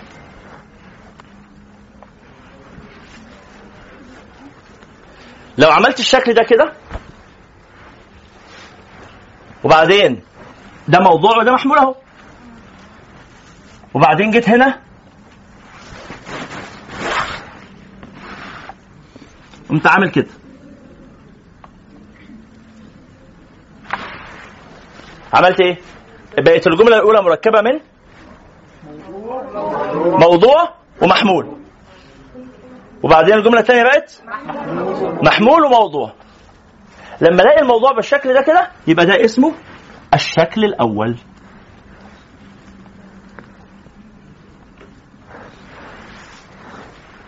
إيه الشكل الأول؟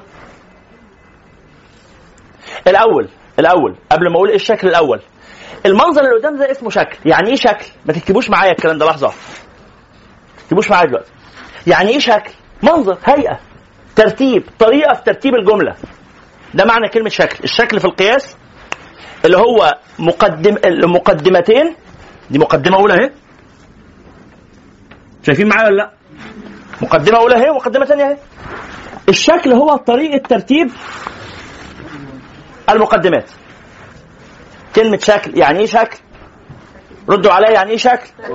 طريقة مش ترتيب، طريقة ترتيب المقدمات، يعني إيه شكل؟ طريقة ترتيب المقدمات. بغض النظر هي المقدمات دي كلية ولا جزئية؟ سالبة ولا موجبة؟ ما يفرقش معايا. وهو ده اللي اسمه الضرب، يعني إيه الضرب؟ الضرب لا، الشكل اللي هو ترتيب المقدمات. الضرب هو عدم الانتباه للكم والكيف. اكتب معايا. الشكل هو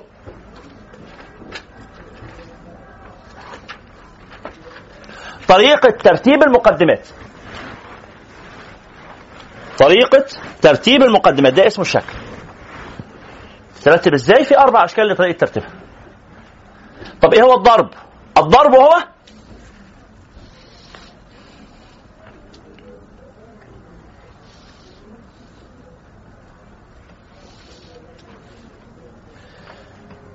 المقدمات من حيث الكم كليا وجزئيا والكيف ايجابا وسلبا.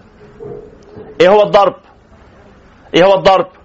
هو المقدمات من حيث الكم كليا وجزئيا والكيف ايجابا وسلبا. ماشي؟ هنشوف الضرب هيشتغل معانا إزاي. الضرب ده فيه في شغل كتير بس. مؤاخذة يا باشمهندس معلش. هنشوف الضرب كمان شوية. بس المهم إن تكونوا فهمتوه اجمالا. مش فاهمة خالص. صلي على النبي. الأول الشكل. في حد مش فاهم الشكل؟ يا جماعة ردوا عليا. حد مش فاهم الشكل؟ أكيد. سارة فاهمة الشكل. مثال. مثال. هقول لك أهو. مثال. خالد مجتهد.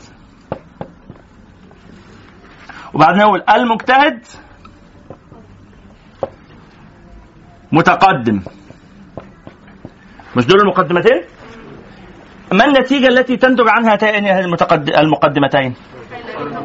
خالد متقدم. في الشكل في الش... في المنظر اللي قدام ده في القضية اللي في القياس اللي قدامنا ده فين الحد الأوسط؟ الحد ال- الأصغر؟ إحنا اتفقنا الحد الأصغر اللي هو؟ موضوع النتيجة. موضوع النتيجة. ده اسمه حد أصغر. طيب فين الحد الأكبر؟ محمول للنتيجة اللي هو؟ متقدم. ده اسمه حد أكبر. حد أكبر. طيب فين المقدمة الصغرى؟ خالد مجتهد. على بعضها. ليه سميتها مقدمة صغرى؟ سميتها مقدمة صغرى عشان بتتضمن الحد الأصغر. هو خالد أهو. صح؟ تتضمن الحد الأصغر. طب فين المقدمة الكبرى؟ المجتهد متقدم. ليه سميتها مقدمة كبرى؟ لأنها بتتضمن الحد الأكبر اللي هو متقدم. هطبقه اللي فوق حالا. حاضر. الأول بس عايز ده يبقى يعني إيه؟ مشروب جوه شرايينكم كده. حد أصغر حد أكبر مقدمة صغرى مقدمة كبرى الكلام ده كله يعني نبقى بنجري فيه بسهولة. أيوه ده اسمه شكل. الشكل اللي هو الاثنين دول المقدمتين دول لما يترتبوا بالطريقة دي ده اسمه شكل. في شكل تاني هقول لك عليه كمان شوية. إيه معنى التصغير والتدوين؟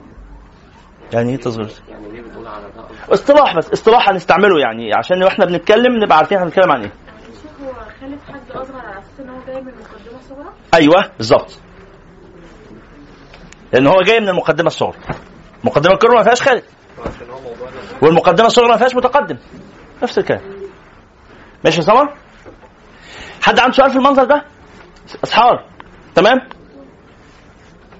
تعالوا نطبق ده على اللي فوق. عبير انت شايفة كويس؟ أكيد.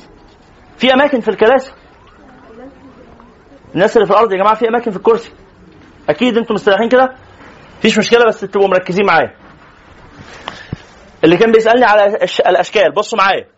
لما رمزت لل للمحمول لما رمزت الموضوع بالدايرة.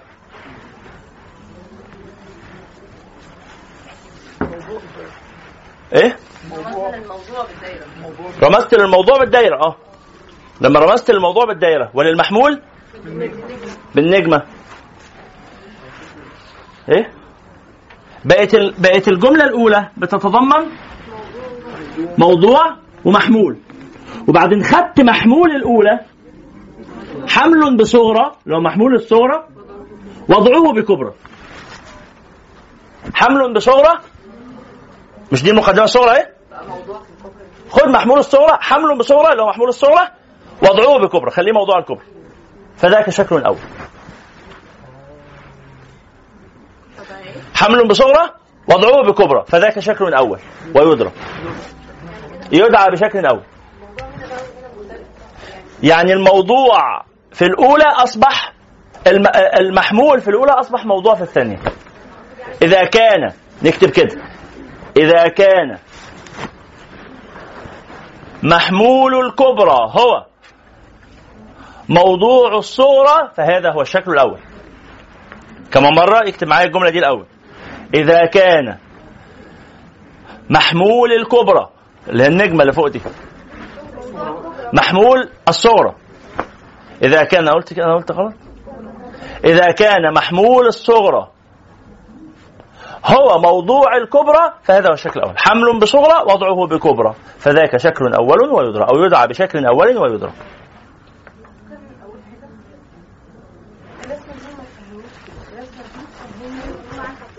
الموضوع أهو والمحمول أهو لو إحنا حابين إن ده محمول موضوع. يعني إحنا قلنا الأول إن الموضوع نجمه آه، ولا يهمك ولا يهمك نفس المشكلة يا أمير.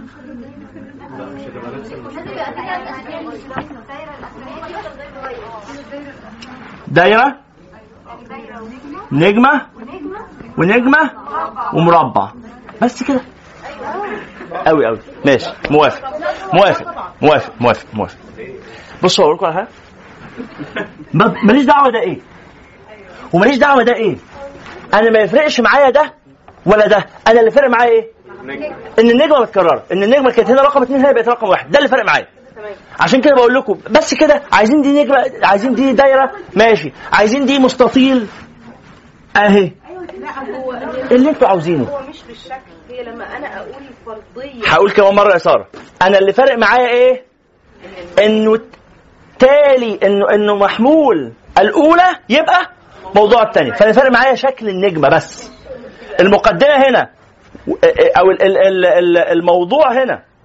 موضوع الأولى. ومحمول الثانية ما يفرقش معايا في حاجة. ما يفرقش معايا شكله أصلا. يعني ممكن أشيله أصلا. كده بقى أحسن؟ شرطة. شيء ما. جملة كلمة ما. ما تخصنيش خالص. وهنا كلمة ما. ما تخصنيش برضو اللي فارق معايا إيه؟ النجمة متكررة. بس في الأولى كانت رقم اثنين في الثانية بقت رقم واحد. ده اللي فارق معايا. وصلت وصلت ساره كده مقتنع؟ خلاص كفاية إنك مقتنع. تمام. يبقى قلت إذا كان ها؟ باشمهندس كده إحنا تمام؟ إيه؟ إيه اللي مش فاهماه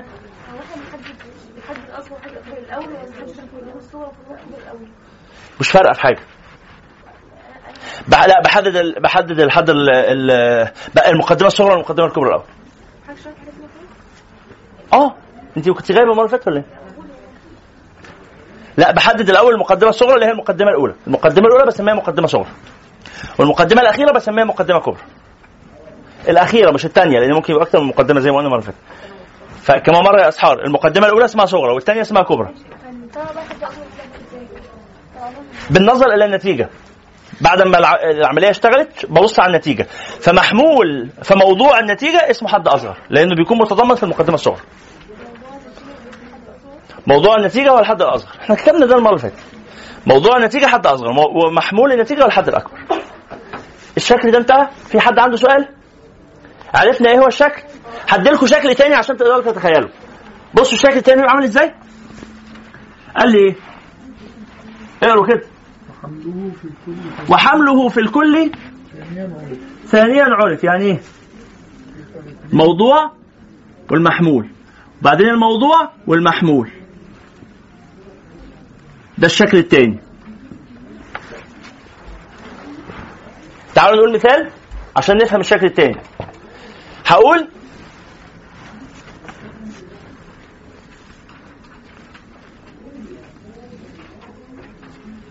خالد مجتهد. وهقول الناجح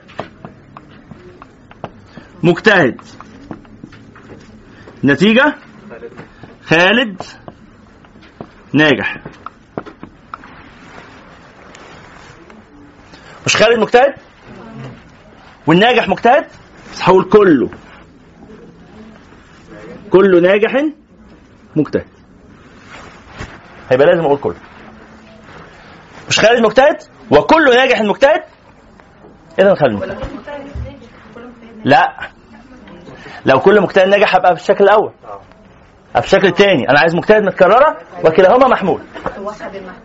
عايز اوحد المحمول. آه يعني كل شكل ليه شروط. كل الأشكال بهتم فيها بالكمية كلها. كلها. يعني خلينا من الضرب خلينا نفهم الأشكال الأول. الكمية وعدم وال- وال- وال- والكيفية ده الضرب. فخلينا من الضرب دلوقتي. عرفنا إيه هو الشكل؟ الشكل الثالث بقى بيبقى إيه؟ وضعه في ال في ال في الكل. ومش قال كده؟ قال وحمله في الكل. ثانيا عرف. ووضعه في الكل. ثالثا ألف يعني يبقى نجمة شرطة. وبعدين نجمة شرطة.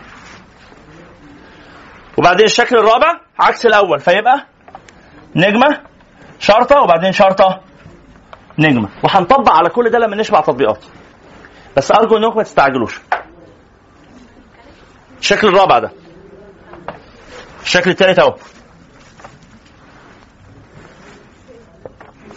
الشكل الرابع أهو.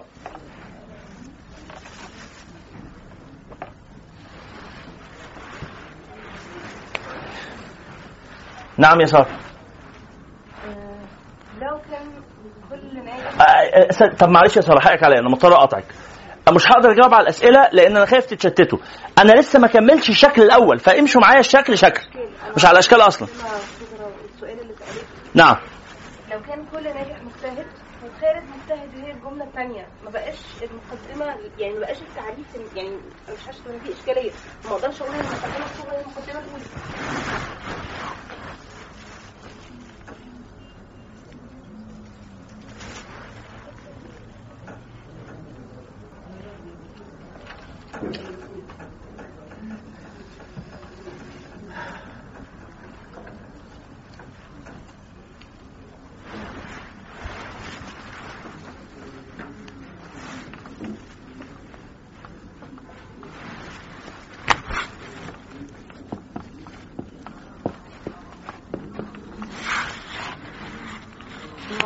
ده ده عادي ناجح خالد ناجح خالد.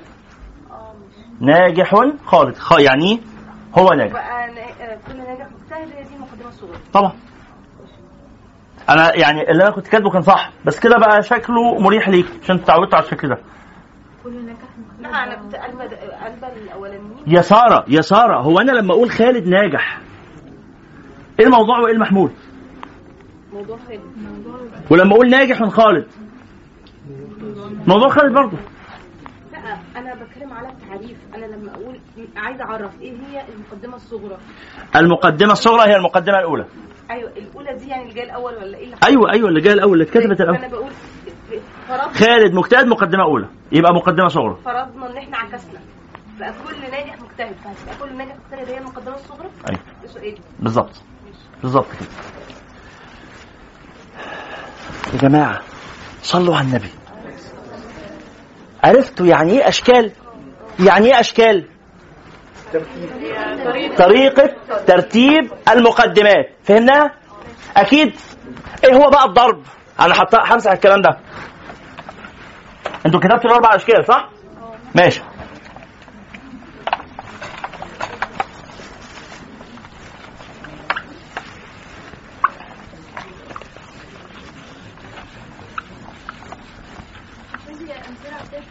هندي أمثلة على كل حاجة. ده إحنا هنشبع أمثلة. ده إحنا هندي على كل واحد يعني عدد ضخم من الأمثلة. إن شاء الله. بس أنا عايز نفهم المعنى الإجمالي الأول. إيه هو الضرب؟ آه طبعا ممكن. سارة بعدين نفتح الإزاز جنبك شوية. شكرا. إيه هو الضرب؟ قلت له تعريف عندكم. حيث هو إيه؟ المقدمات؟ من حيث؟ الكم؟ كليا وجزئيا؟ والكيف ايجابا؟ إزاي؟ لما أقول القضية الأولى الشكل الأول أهو اللي بيقول لي شرطة نجمة نجمة شرطة صح؟ آه آه عفوا. شرطة نجمة نجمة شرطة. ده الشكل الأول. يعني إيه يا فندم؟ ما كتبتوش عندك ولا إيه؟ بغض النظر بغض النظر. إحنا إحنا اللي يهمنا هو النجمة. خلاص؟ فاقول خالد شجاع؟ وبعدين أقول أش... كل. شجاع. أو أقول الشجاع خلينا نقول الشجاع آه يفوز. النتيجة؟ خالد يفوز. موافقين صح؟ المقدمة الأولى دي تحتمل كم شكل من حيث الكم والكيف ثمانية إزاي؟ سلبي وإيجابي؟ وكلي وجزئي. إزاي؟ هقول تعالوا نمشيها ها كلية موجبة. أو كلية سالبة. أو جزئية موجبة. أو جزئية سالبة. دي الأربع أشكال الممكنة في القضية الأولى. القضية الأولى. دي الأربع أشكال الممكنة في القضية الأولى صح؟ طب وإيه الأربع أشكال الممكنة في القضية الثانية؟ هم هم كلية موجبة كلية سالبة دي الأولى ودي الثانية الأولى يعني إيه يا سارة؟ الصغرى والثانية يعني إيه يا سارة؟ الكبرى وبعدين جزئية موجبة صح كده؟ جزئية سالبة مظبوط؟ أربعة في أربعة 16 يعني إيه 16 يعني الشكل الأولاني ده ممكن يبقى ليه 16 احتمال. إيه هم ال 16 احتمال دول؟ واحد. كلية موجبة. زائد كلية موجبة. الاحتمال الثاني كلية موجبة. زائد. كلية سالب. الاحتمال الثالث كلية موجبة. زائد. جزئية موجبة. الاحتمال الرابع. كلية موجبة. زائد. جزئية سالب صح؟ وبعدين؟ ده كده أول واحدة خلصت. اللي بعدها؟ إيه؟ خلاص مفهوم معلش. هكتبهم كلهم في أول مرة بس. أنا آسف. بس يعني إيه؟ لأني مش أول مرة أدرسها. فأنا عارف إنه هتظهر مشكلات بعد شوية. فأنا مضطر أكملهم بس بعد كده مش هنكملهم. ماشي؟ الثانية إيه؟ كلية. سالبه زائد كلية موجبة. زائد كلية سالبه زائد موجبة. زائد خلصت. يبقى ستة سبعة تمانية. تسعة. عشرة حداشر. اتناشر تلاتاشر أربعتاشر. عفوا. اتناشر هنا 13 14 15 16 قادرين تعرفوا إيه اللي هيحصل؟ القضية الأولى والقضية الثانية. طبعا هيجي حد يقول لي ما هو في حاجات هتبقى متكررة. صح؟ أيوه إيه المشكلة؟ بس أنا بالترتيب ده الفكرة هنا هي الترتيب إن ده الأولى ودي الثانية وصلت؟ والله شايف في وجوه الناس إن أنا محتاج أكملها. هكملها. لحظة. لا هكملها كده. اصبروا يعني ها اللي بعدها إيه؟ جزئية. موجبة. زائد هم هم الأربعة. واللي بعدها؟ جزئية. سالبة زائد. خلينا نقول زائد. كاف. ميم. أو كاف. سين. أو جيم. ميم. أو جيم. سين. واللي بعدها نفس الكلام. كاف. ميم. كاف. سين. جيم. ميم. جيم. سين. قبل السؤال حاضر هجاوب على السؤال. أنتوا الأول مستوعبين الأشكال ال 16 دي مش أشكال دي كلها احتمالات في الشكل الأول. يعني إيه احتمالات؟ يعني ضروب. يبقى إيه هو الضرب؟ الضرب هو تقاليب الاحتمالات الممكنة في كل شكل من حيث الكم والكيف. الكم كل وجزئي والكيف موجب وسالب حاضر هسمع الأسئلة مش والله ما معترض على الأسئلة. اصبروا عليا كمان مرة. إيه هو الضرب؟ تقاليب الاحتمالات الممكنة بلاش الأشكال. تقاليب الاحتمالات الممكنة في كل شكل. من حيث الكم كلا وجزءا والكيف ايجابا وسلبا. ممكن نكتب التعريف ده كده؟ إيه هو الضرب؟ هو تقاليب بقلب تقاليب الاحتمالات الممكنة في كل شكل.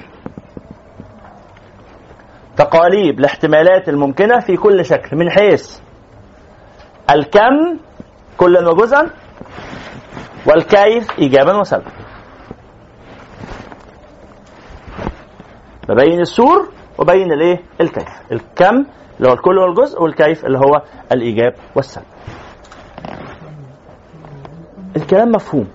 فكروا فيه كده دقيقة بالراحة. عرفنا معنى كلمة شكل. وكتبنا لها تعريف. ومعنى كلمة ضرب.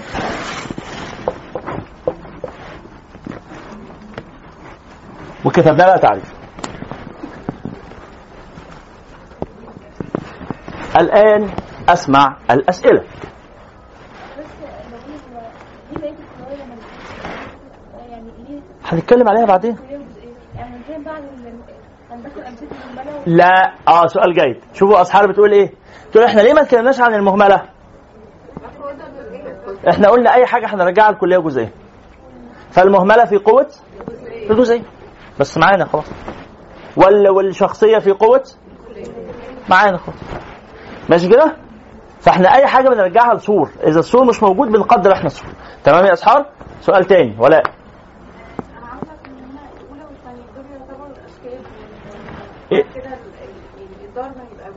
لا بص يا بص يا يا يا ولاء. كل دول ال 16 على بعض أضرب مختلفة في الشكل الأول. الشكل الأول اللي هو الشكل الأول ولا واحد من دول كل دول على بعض مش واحد لوحده. الشكل الأول أن يكون فانت تعرفه عندك؟ أن يكون محمول الأولى موضوع الثانية هو ده الشكل الأول. الشكل الأول ده يقبل 16 ضرب. هم نفس ال 16 ضرب دول موجودين في الأشكال الأربعة.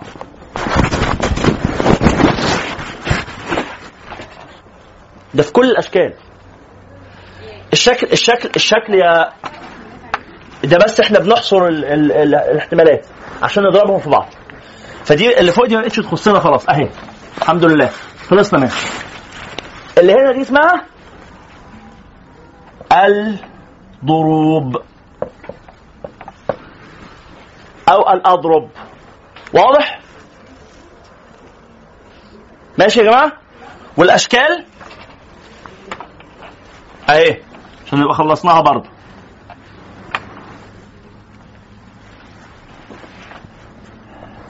الأشكال. إيه الأشكال؟ واحد.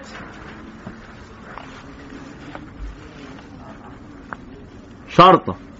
نجمة نجمة شرطة واقفل المربع. اتنين شرطة. نجمة شرطة نجمة. واقفل المربع. ثلاثة نجمة شرطة نجمة شرطة. واقفل المربع. أربعة نجمة شرطة شرطة نجمة واقفل المربع. جنب بعض اهو دي الأشكال. أيوه هي اللي كانت من شوية. ما أنا كاتب فوقيها أهو. الأشكال أهو. صلى الله عليه وسلم. صلى الله عليه وسلم. صلى الله عليه وسلم. خلاص يا جماعة؟ يبقى أنا عرفت إيه هي الضروب وإيه هي؟ عندي كام شكل؟ أربع أشكال. وعندي كام ضرب؟ 16 نفس ال 16 ضرب موجودين في الأربع أشكال في كل شكل من الأربعة. وبالتالي فالإجمالي الضروب كام؟ 64 ضرب. هل الضروب دي كلها منتجة؟ يعني إيه منتجة؟ يعني يمكن استعمالها في إجراء عملية القياس؟ قال لي لا. قال لي الشكل الأول ليه شروط فما بينتجش منه غير أربعة. الشكل الأول في أربع ضروب بس منتجين و12 ضرب مش منتجين. مش هيوصلوا لنا نتيجة. عقيم بيسموه ضرب ضرب ضرب عقيم. ما بيوصلش للنتائج. بايظ ده. جينا نشغله كده لقيناه بايظ. طب والشكل الثاني قال لي فيه شروط برضه شرطين.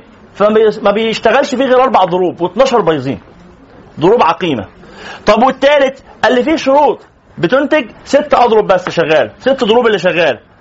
وثمانيه وعشرة عقيمة. طب والخامس؟ قال لي خمسة خمس ضروب اللي شغالين. و11 عقيمة. يبقى إجمالي الضروب المنتجة من كل واحدة في دول كام؟ الأولاني شغال فيه؟ أربعة. إيه هم الأربعة هنقولهم؟ والتاني شغال فيه؟ أربعة. أربع ضروب. والتالت شغال فيه؟ ستة. والرابع شغال فيه؟ خمسة. يبقى الإجمالي؟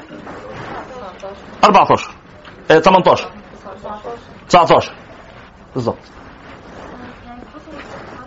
19 طريقة بس اللي ينفع نشتغل بيهم قياس. بالظبط. 19 ضرب فقط لبناء القياس في القضايا الحملية. في القضايا الحملية. لسه في قضايا شرطية. ولسه التفكير له طرق تانية غير القياس أصلا. فلو هتفكري يا أسحار بطريقة القياس في قضايا حملية عندك 19 طريقة ولو هتفكري بطريقة القياس في قضايا شرطية عندك طرق تانية هتبقى تيجي. ولو بتفكري بطريقة غير القياس أصلا هيبقى في حاجات تانية. لسه هناخد بقية الحاجات. أنتوا بدأتوا تحسوا ب... ب... بالإنتاج؟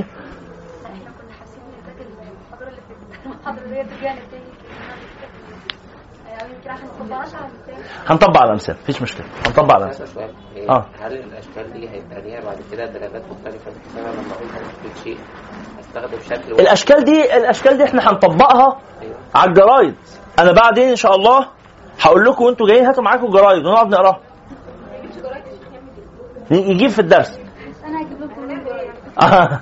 يجيب مخصوص. هقول لكم على جورنال كلنا نشتريه أو أنا هبقى مصور منه مش لازم نشتري الجورنال. هصور منه أنا مقالة وأوزعها عليكم ونطلع منه مستخدم الكلام ده كله مستخدم في الواقع. أنا قصدي أنا لما بستخدم هجيب لكم حاجات اللي الإبراج. على سبيل تكفير الذنوب برضه يعني يبقى ليها فوائد كتير. لما آجي أفكر في حياتي وأحاول أقنع حد بحاجة. في اختلافات بين الأشكال دي في, النتائج اللي هتوصل لها؟ أو مش فاهم. يعني هي كلها بتؤدي لنفس النتيجة ولا كل واحدة منهم ممكن؟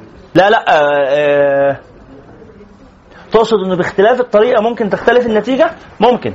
ولذلك إحنا بنقول لك الشيخ قال إيه؟ ورتب المقدمات وانظرها صحيحها من فاسد مختبره. اوعى توافق على المقدمة إن كانت فاسدة. فعندك مرحلة الأول اسمها اختبار المقدمات وبعدين تشغيل المقدمات بعد اختبارها أنت ممكن تغلط في اختبارها. فتيجي بقى تقول لي النتيجة طالعة غلط. ما إحنا شغلناها صح. أقول لك إحنا شغلناها صح بس اخترناها غلط. لو سمحت اختارها صح. شغلها صح قطعا النتيجة هتبقى صح. إذا اتاكدت معايا إن إحنا فعلا اخترنا المقدمات صح وإن إحنا شغلناها مع بعض ركبناها. الطريقة دي طريقة التشغيل. بس في مرحلة سابقة اسمها الاختيار. خلاص؟ صليتوا على رسول الله؟ أنا كان نفسي صراحة كنت عامل حسابي النهارده إن إحنا نخلص شكل الضروب المنتجة في الشكل الأول لكن مش مشكلة الوقت لم يكفي. المرة اللي جاية هنيجي بإذن الله ربنا يعيننا نخلص الضروب المنتجة فيهم كلهم. بإذن الله ونكمل اللي بعد كده. تعالوا نقرأ. تعالوا نقرأ من الكتاب. مش هنسمع بس المرة الجاية هنسمع. المرة الجاية هنسمع. بس تعالوا نقرأ من الكتاب من أول القياس بسرعة كده عشان نربط بقى الكلام ده باللي إحنا حفظناه. من أول القياس. قال لي إيه؟ باب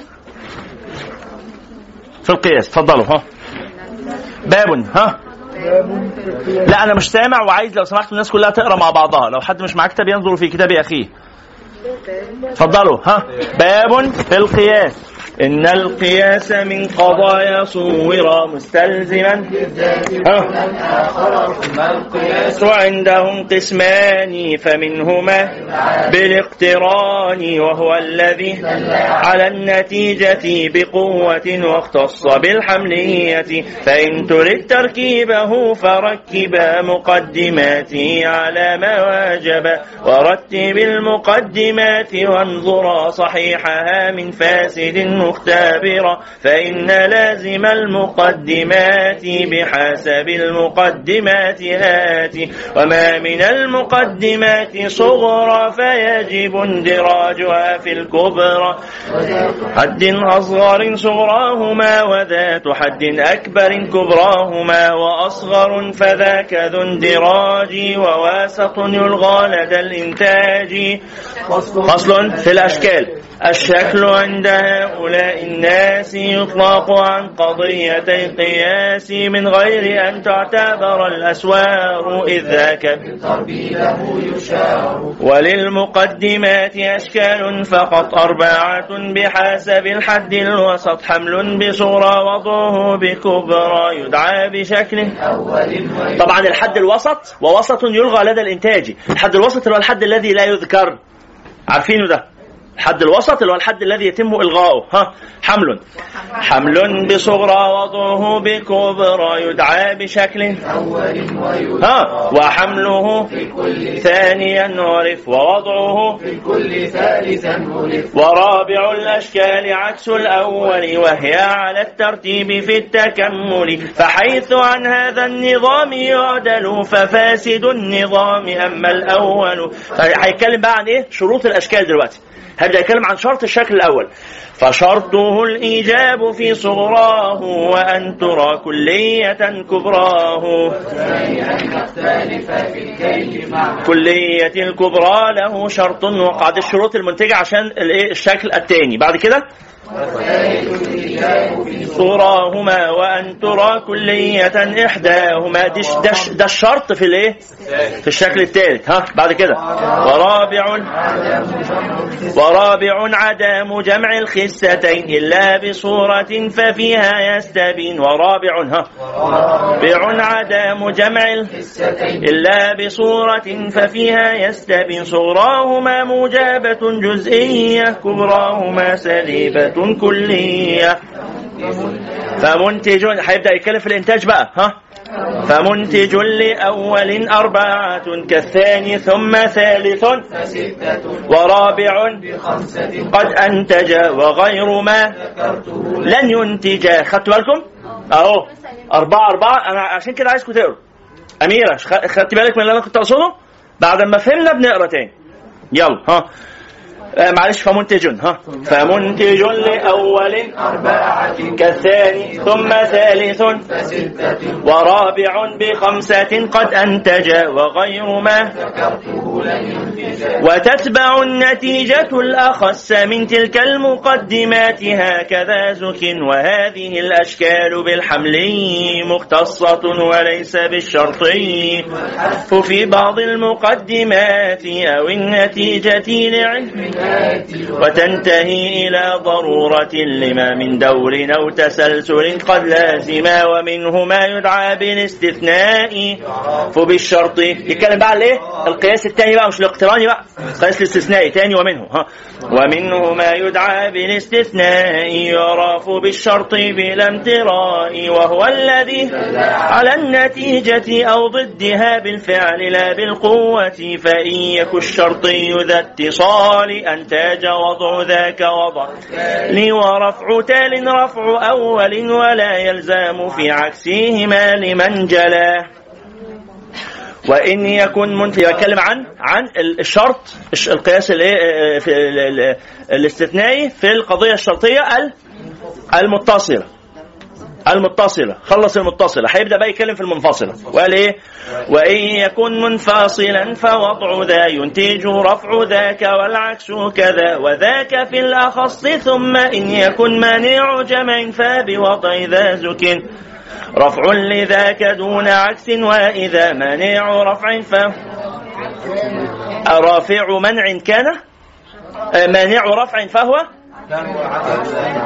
رافع مانع رفع كان ضيفوا كان اللي ما عندهمش. اللي ما عندهمش كان يضيفوها. رافع مانع رفع كان هات هات لي قلم. مانع رفع كان أهو كده. مانع رفع كان فهو عكس ذلك. كملوا كده بسرعة ها. ومنه ما ها. ومنه ما يدعونه. ده بقى إيه؟ ده قياس بقى. له قياس اقتراني. وله قياس استثنائي. يا أسحار بتسأليني عن طرق التفكير أهو. في قياس اقتراني خلصناه أو اللي شغالين فيه. وبعد كده في قياس استثنائي وبعد كده في قياس اسمه القياس المركب. قال لي إيه بقى؟ ومنه يعني من القياس ها؟ ومنه ما يدعونه مركبا لكونه من حجج قد ركبا فركبنه إن ترد أن تعلمه واقلب نتيجة به مقدمة. يلزم من تركيبها بأخرى نتيجة إلى هلم جر متصل النتائج الذي حوى يكون أو مفصولها كل سوى. وإن بجزئي ده كده هيبدأ يتكلم على حاجة اسمها الاستقراء. أنتوا بتكتبوا العناوين اللي أنا بقولها دي؟ هندرسها بس أنا كنت أحب ان يعني عايزكم تعدوا إطلالة سريعة كده. اتكلم على القياس.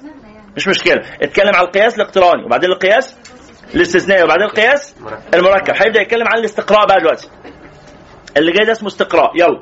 وإن بجزئي على كل استدل فذا بالاستقراء عندهم عقل تاني. وإن على كل استدل فذا بالاستقراء عندهم عقل وعكسه يدعى القياس المنطقي وهو الذي قدمته فحققي وحيث جزئي على جزئي حمل. ده هنا بقى التمثيل. جزئي على جزئي.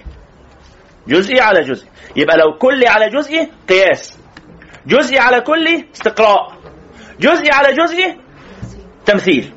خلاص؟ خدنا بالنا؟ كلي على جزئي قياس. جزئي على كلي استقراء. جزئي على جزئي تمثيل. هو إيه اللي كل اللي جزئي بس؟ المقدمات يعني؟ أيوه. ماشي. لما تبقى المقدمات كلية والنتيجة كلية. آه لما تبقى المقدمات كلية والنتيجة جزئية ده قياس. يعني تقارن المقدمات بالنتيجة. ولما تبقى المقدمات جزئية والنتيجة كلية يبقى ده استقراء. خلاص نكمل بقى. اتفضل.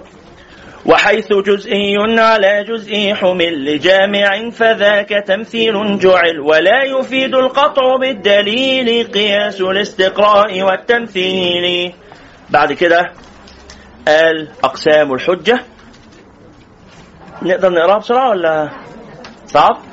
طيب خلاص. يبقى إن شاء الله نقراها. هنخلص كل ده؟ هنخلص كل ده إن شاء الله. خلينا نختم بالدعاء لو سمحتم. نختم بالدعاء. ويعني والدة أختنا الفاضلة رانيا آه، آه، رندا عفوا آه، توفيت يوم الأحد الماضي. فنسأل الله سبحانه وتعالى أن يرحمها ويعني ندعو لها إن شاء الله. فاللهم صل على سيدنا محمد في الأولين وصل على سيدنا محمد في الآخرين وصل على سيدنا محمد في الملأ الأعلى إلى يوم الدين. اللهم صل على سيدنا محمد الذي تنحل به العقد وتنفرج به الكرب وتقضى به الحوائج وتنال به الرغائب وحسن الخواتيم واستسقى الغمام بوجهه الكريم وعلى آله وصحبه في كل لمحة ونفس بعدد كل معلوم لك يا كريم. اللهم اغفر لنا ذنوبنا إسرافنا في أمرنا ثبت على طريق الحق أقدامنا. اللهم ارحم موتانا وموتى المسلمين واشف مرضانا ومرضى المسلمين وأعلي بفضلك كلمتي الحق والدين. اللهم إنا نسألك أن ترحم والدة أختنا رندا وأن ترفع قدرها في الصالحين. اللهم ارفع قدرها في الصالحين. اللهم آنسها في قبرها. اللهم آنسها في قبرها. اجعل قبرها روضة من رياض الجنة. اللهم اجعلها من السعداء المقبولين. اللهم شفع فيها القرآن وشفع فيها الصيام وشفع فيها الصلاة وشفع فيها العمل الصالح وشفع فيها إخوانها وأخواتها من المؤمنين والمؤمنات. اللهم اقبل شفاعتنا فيها. اللهم شفع فيها سيدنا رسول الله. اللهم اشفع أنت يا ربنا فيها. اللهم اجعلها من المرحومات واجعلها من الراضيات واجعلها من المرضيات. اللهم أنا نسالك أن ترحمها وأن تعفو عنها وأن ترفع في الجنة منزلتها وأن تتجاوز عن سيئاتها. اللهم زد في أحسانها وتجاوز عن سيئاتها. اللهم زد في أحسانها وتجاوز عن سيئاتها. اللهم إنها نزلت بك وأنت خير منزول به. فأكرم يا ربنا نزلها اللهم أكرم نزلها ووسع مدخلها واجعلها عندك من المرضيات. اللهم هيئنا لأول ساعة لنا في قبورنا. اللهم ذكرنا بالموت أبدا. اللهم ذكرنا بالموت أبدا. اللهم ذكرنا بالموت أبدا. اللهم استعملنا فيما يرضيك. اللهم استعملنا فيما يرضيك. اللهم علمنا ما ينفعنا وانفعنا بما علمتنا وزدنا من كرمك علما. واجعل يا ربنا ما نتعلمه في هذه المجالس في ميزان حسناتنا واجعله حجة لا لنا لا علينا. برحمتك أرحم الراحمين. اللهم صل على سيدنا محمد عبدك ونبيك ورسولك النبي الأمي وعلى آله وصحبه وسلم تسليما كثيرا. عدد ما أحاط به علمك وخط به قلمك وأحصاه كتابك. وارض اللهم عن سادتنا أبي بكر وعمر وعثمان وعلي وعن الصحابة أجمعين وعن التابعين وتابعيهم بإحسان إلى يوم الدين. سبحان ربك رب العزة عما يصفون وسلام على المرسلين والحمد لله رب العالمين. سبحانك اللهم وبحمدك أشهد أن لا إله إلا أنت أستغفرك وأتوب إليك. بسم الله الرحمن الرحيم. والعصر. إن الإنسان لفي خسر إلا الذين آمنوا وعملوا الصالحات. تواصوا بالصبر تواصوا بالحق وتواصوا بالصبر. جزاكم الله خيرا. والسلام عليكم ورحمة الله وبركاته.